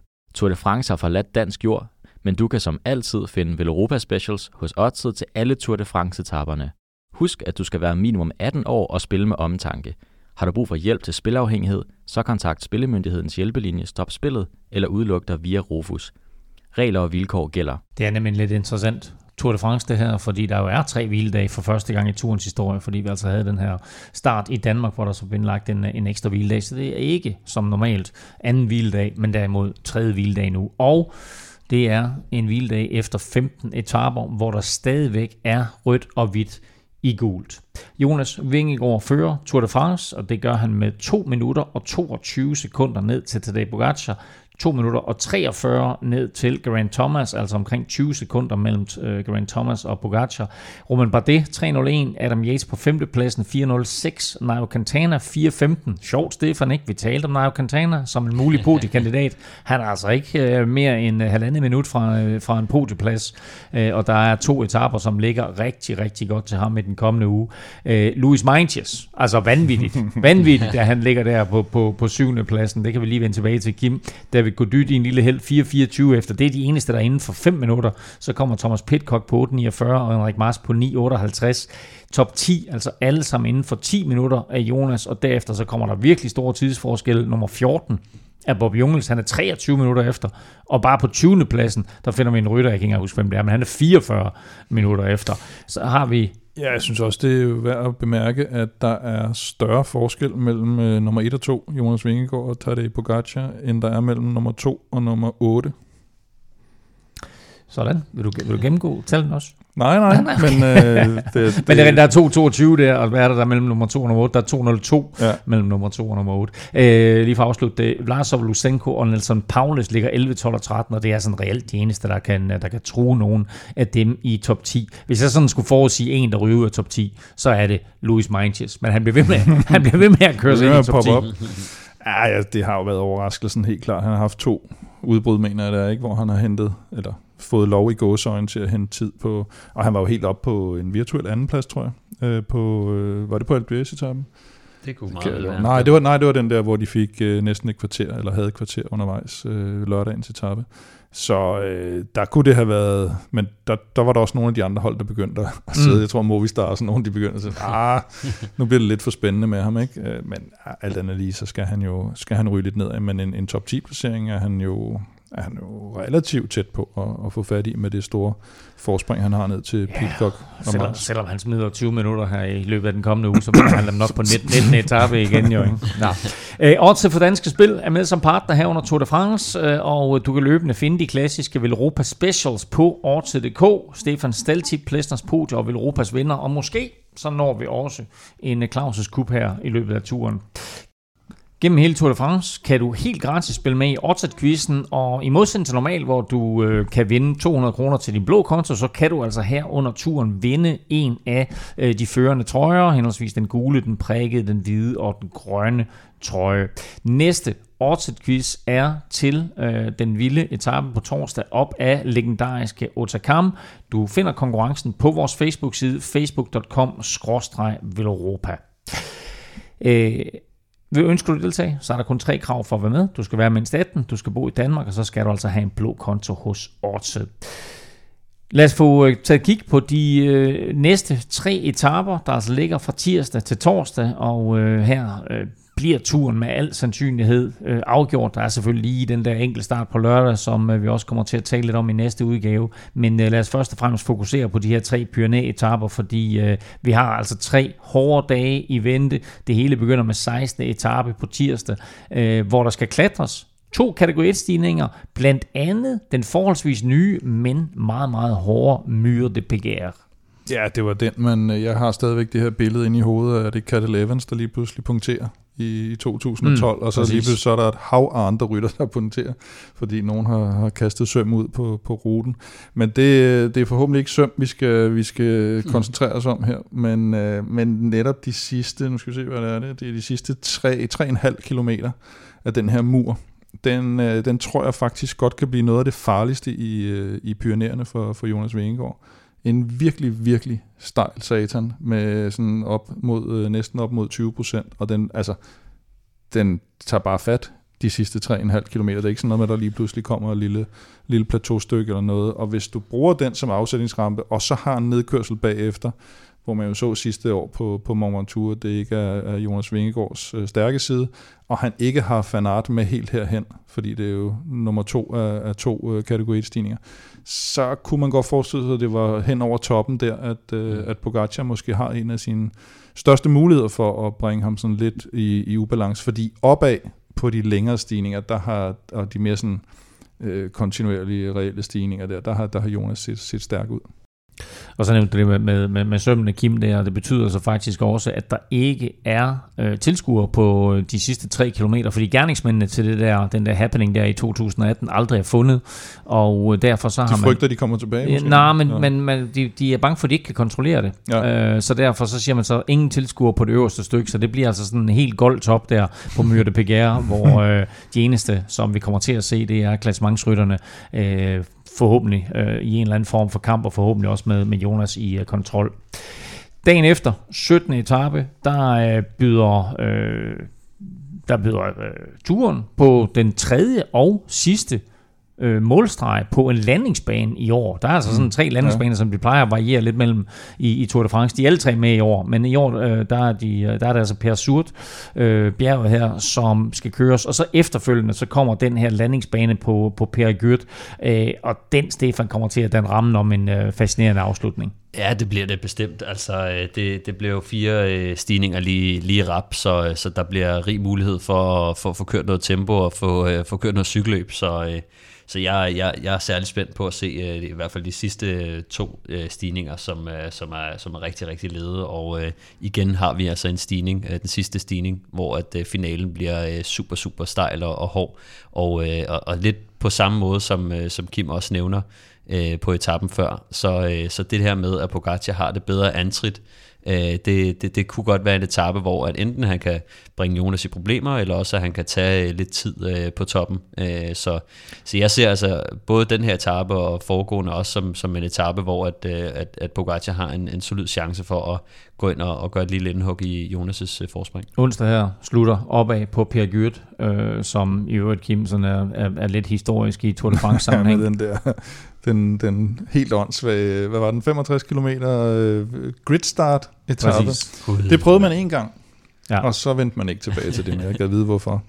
Ej, det var fjollet der, og man, det var sådan, ligesom i langrand, man blev sendt afsted, eller troede man med tidsforskellen, men så var det sådan noget, man blev sendt afsted i puljer, hvor efter det så ikke gav nogen mening overhovedet, fordi at det så, ja, lang historie, den, øh, den vender man ikke tilbage til.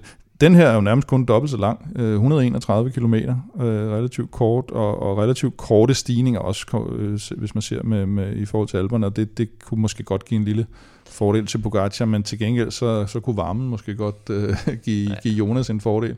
Og, øh, og jeg synes jo på Granon, som var noget af det stejligste, der, der havde han jo ikke rigtig nogen problemer, må man sige. Med, med Men det var også en anden måde, den blev kørt den på. Blev kørt på og den, den mulighed har han ikke nu. de der stik mm. der på, på, på Pogacar. Ja. Det interessante her i forhold til de tre uh, pyrenæ det er, at tirsdagens etape slutter nedad, skråstrej mm. henad, og både onsdagens etape slutter op af Per Gyt, og så slutter torsdagens etape op af kamp, som vi kan komme tilbage til lige om lidt. Mm. Øh, hvad, hvad er den største fordel for Pogacar? Er det at have mulighed for at sætte Jonas nedad? Altså hvis han har det forspring, som du måske taler om, Kim, hen over toppen på, på Myrte Pegare, er det så en fordel for ham at kunne sætte Jonas øh, nedad, altså, eller er det en fordel med de her to afslutninger opad? Jeg synes, hvis, hvis man går ud fra, at der ikke sker et eller andet sådan holdmæssigt, altså at det ene hold bliver kørt i smad, og, og UAE lige pludselig kan ligge og angribe Jonas, eller, eller Ineos kommer ind med et eller andet. Hvis, hvis det bliver kørt sådan relativt traditionelt, så synes jeg faktisk, hvis vi, kom, hvis vi sammenligner tirsdag og onsdag til at starte med, der vil jeg sige, at det, det er tirsdag, fordi den er sådan lidt mere alternativ. Jeg tror, han skal ud og finde nogle alternative måder at ryste Jonas på. Onsdag er lidt mere konservativ, trods alt, øh, og, og, og den, den tror jeg, Jonas har mere styr på. Ja, særligt fordi, at, at stigningerne inden der ikke er så slemme, at det ja. først er den sidste, og, og de sidste par kilometer, der, der, der er sådan rigtig slemme. Ikke? Ja. Den er lidt nemmere at overskue, kan man sige. Og så kommer vi jo til torsdag. Og torsdag glæder vi os for, øh, altså tror jeg alle sammen, vi glæder os til, for det, der får vi for alvor at se, øh, hvad det betyder for Jonas Vingegaard, at både Roglic og Krausweig er ude. Øh, 18 etape byder øh, på øh, legendariske Col d'Ubisk øh, til forret, mm. og så en lille hovedret i form af Col de Spandel, og så en tung dessert, mm. som de fleste kender, øh, der bare hedder Otakam. Altså, jeg vil håbe, jeg vil håbe at vi, vi får gentaget billederne fra 96 med en, en dansk gul trøje, der, der angriber. Og, og, var det, og var det kyst til Bjarne, kyst til, eller var det på Sestria? Øh, Nej, jeg tror, det var på Sestria, var det ikke det? det? Det var noget med blomsterne i den og alt det der, ikke? På, på Otakam. øh, og det, det kunne være fedt, at, øh, at Jonas vinder her. Men jeg vil sige, det er også umiddelbart den hårdeste etape af de tre i Pyreneerne, og hvis det er sådan ligesom den sidste mulighed, Pogacar har, så kommer der et eller andet helt desperado angreb fra ham, og så kan det blive hvad som helst. Altså både, at han mm. selv kan gå ned, eller at, altså lidt ligesom den der enkle start, han kører mod, mod Roglic for nogle år siden, ikke? eller for et par år siden, øh, hvor det bare er alt eller intet. Og, hvor, og det, det, er jo, det bliver næsten uden tvivl fascinerende at se på. Øh, alt efter hvem man holder med, så bliver det rigtig dejligt eller rigtig dårligt måske. og så tror jeg, jeg tror, det bliver afgjort der. Altså jeg tror ikke, vi skal hen til enkeltstarten for at uh, få det afgjort. Uh, ja. Altså øh, i øvrigt, det var øh, på Hutakam, at det var kyst til, det? til okay. kyst, kyst til Danmark. Det der, det er noget, der vil noget.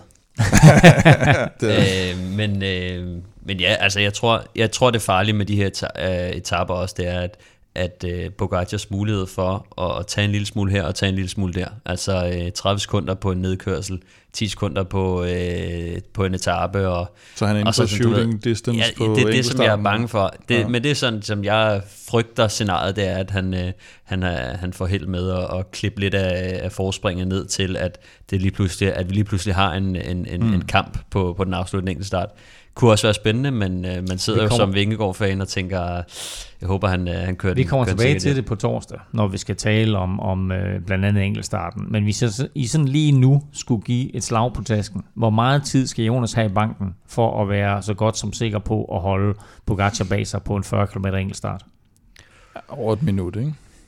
Et minut, det går altså ret stærkt på, på 40 km, vil jeg sige. Ja. Øh, til gengæld er den ikke pandekage flad, så, så det er jo selvfølgelig også en lille fordel til, til, til Jonas, tror jeg. Men det er heller ikke en bjergenkelstart. Nej, nej, nej, nej, bestemt ikke. Men, øh, men, men der er alligevel et par, par, par hug på den, som, som bryder lidt. Jeg tror, hvis han har over et minut, så tror jeg nok, han skal klare. Jeg tænker, jeg tænker halvandet minut, øh, tror jeg, er, er, er, er et fint forslag. Jeg vil, ja. jeg vil være nervøs og sidde og kigge på, på et minut. Øh, Man begynder at lave de der GPS-tider der. Ja, men 40, nej, 40 km, det er bare ja. virkelig, virkelig langt. Altså, øh, det er det. Altså, øh, en, en, en, et sekund per kilometer, det er, det, det, det er også lidt. Altså, så, så du ved, det, ja, ja. det, det går hurtigt, og som vi nogle gange har set øh, Pogacar, øh, hvis han starter ud med, med lyn og torden, mm. så, øh, så tror jeg virkelig, at, øh, at Jonas han begynder at få... Øh, få lidt gummiben. Øh, altså, jeg, jeg tror, det er det frø. Jeg synes, at Pogacar har lykkes med at, at kaste Jonas ud i en situation, hvor han panikker lidt.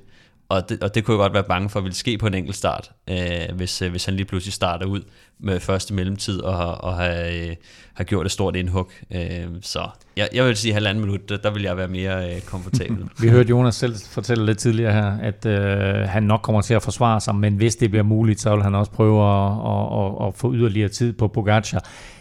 Stefan har lige sagt det han må maks tabe et minut her i de kommende tre dage i øh, Pyreneerne, så det er det, vi holder øje med, at øh, Jonas forhåbentlig slet ikke sætter tid til, men altså maks må, må, må tabe øh, omkring et minut til, øh, til Pogacar samlet over de her tre vilde etaper, vi har foran os. Nu skal vi til gengæld have en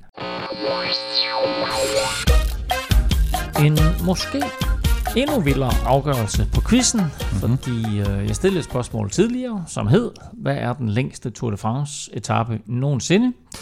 I har haft lidt tid til at tænke over det. Jeg har set jeres øh, respektive bud, og øh, jeg kan sige, at en er over, en er under, og øh, I er faktisk øh, overhovedet ikke engang øh, i nærheden af at være tæt på begge to. øhm, men øh, Stefan, Øh, vil du fortælle, hvad du har skudt på? Jeg kan jo fortælle lige inden du gør det, at det var øh, i 1919, og etappen blev vundet af Firmin øh, Lambeau, tror jeg han hed. Nå, en ja, den der, ja, ja, ja, ja, den kan, ja, ja, den der, ja, ja, Stefan, vil du, øh, vil du komme med, øh, med, med dit bud? Øh, jeg gættede på 350. 350 kilometer. Så skulle jeg holde det mit første, siden vi er langt. Nå, jeg har Godt. gættet på 558 km. 558 km. Har du overvejet, hvor lang tid det vil tage at cykle 558 km? Ja. Lad os, lad os bare sige, at de på det på, tidspunkt... På, på, cykler. på det tidspunkt, hvis de var i stand til at cykle 40 km i timen, hvor lang tid vil det så tage? Ja, det kan jeg slet ikke regne ud. Okay, men det, det er lang tid. Kim. Det er lang tid, 558 km er alt, alt, alt for langt. Det er 76 km for langt, fordi Ej. det rigtige, det er 482 km. Det er meget tæt på, synes jeg. Og dermed så er Stefan 132 km fra. Så Ja, jeg vil pointet, sige- jeg vil pointet sige- går faktisk til Kim. Jeg vil sige, jeg ændrede faktisk mit fra, fra 450 ned til 350, fordi jeg synes, det var så vanvittigt. Jeg ændrede tænkte, mit fra omkring det- 450 op til 550, så det kan godt være, det været spændende, hvis vi havde taget vores første. Jeg tror slet ikke, at jeg tænkte, øh, jeg tænker dengang, om de har kørt etaper. 468, hvad var det? 482. 468 var mit første indskyld, så Ja, ændrede det jeg det til... ja, Jamen, nu kan jeg huske. Så. Nå, men der var altså et point til Kim, og dermed så er du faktisk op på en øh, vanvittig 5 points føring. Øh, 18-13 fører du. Kan du huske du dengang, kan du huske dengang, at øh, vi fik spørgsmål sådan inden for, øh, øh, efter, 1990? 30, inden for de seneste 30 år? Det er sådan lidt oven Vi er også i tur, tur sammenhæng her, ikke? Du burde vide mere. Du burde øh, vide mere om dengang, Tour de øh, den en havde en hver, fordel. En hver ved, en hver ved at, at uh, Pierre Godot, han vandt der i 1919. Ja, ikke? Stefan sad og så den her i formiddags på YouTube. Ja, præcis. Ikke? Nå. øhm, vi er tilbage med Velropa Podcast allerede på torsdag efter ugens drablige tre dyster i Pyrenæerne.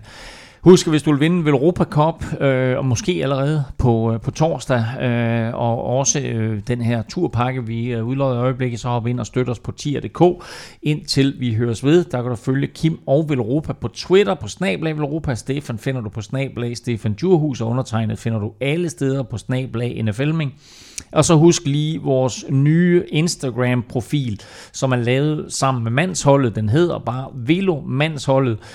Ja, Altså, det er fuldstændig vanvittigt, så mange mennesker, der allerede er derinde på, på, på sådan godt 24 timer, der var der 10.000 følgere, nu er vi på sådan noget med 12.500 følgere, så vanvittigt. Øh, uh, man går ind og se uh, lidt af det content, øh, vi har lagt op der. Uh, og Stefan, jeg skal lige høre, der var noget med, at du får lavet nogle, uh, nogle uh, du ser hakket ud i yellow t-shirts. Ja, vi er ved at kigge på, øh, på at få lavet nogle t-shirts, som forhåbentlig snart øh, vi, kan, vi kan vise frem.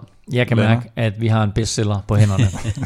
tak fordi du lyttede med. Tak for nu. Tak til vores støtter på tier.dk. Uden jer, ingen vil Europa podcast. Og tak til vores partner Hello Fresh, Rådet for Sikker Trafik og Orte. Støt dem, de støtter os. Og øh, for at kopiere dig lidt, Kim, kom så Jonas.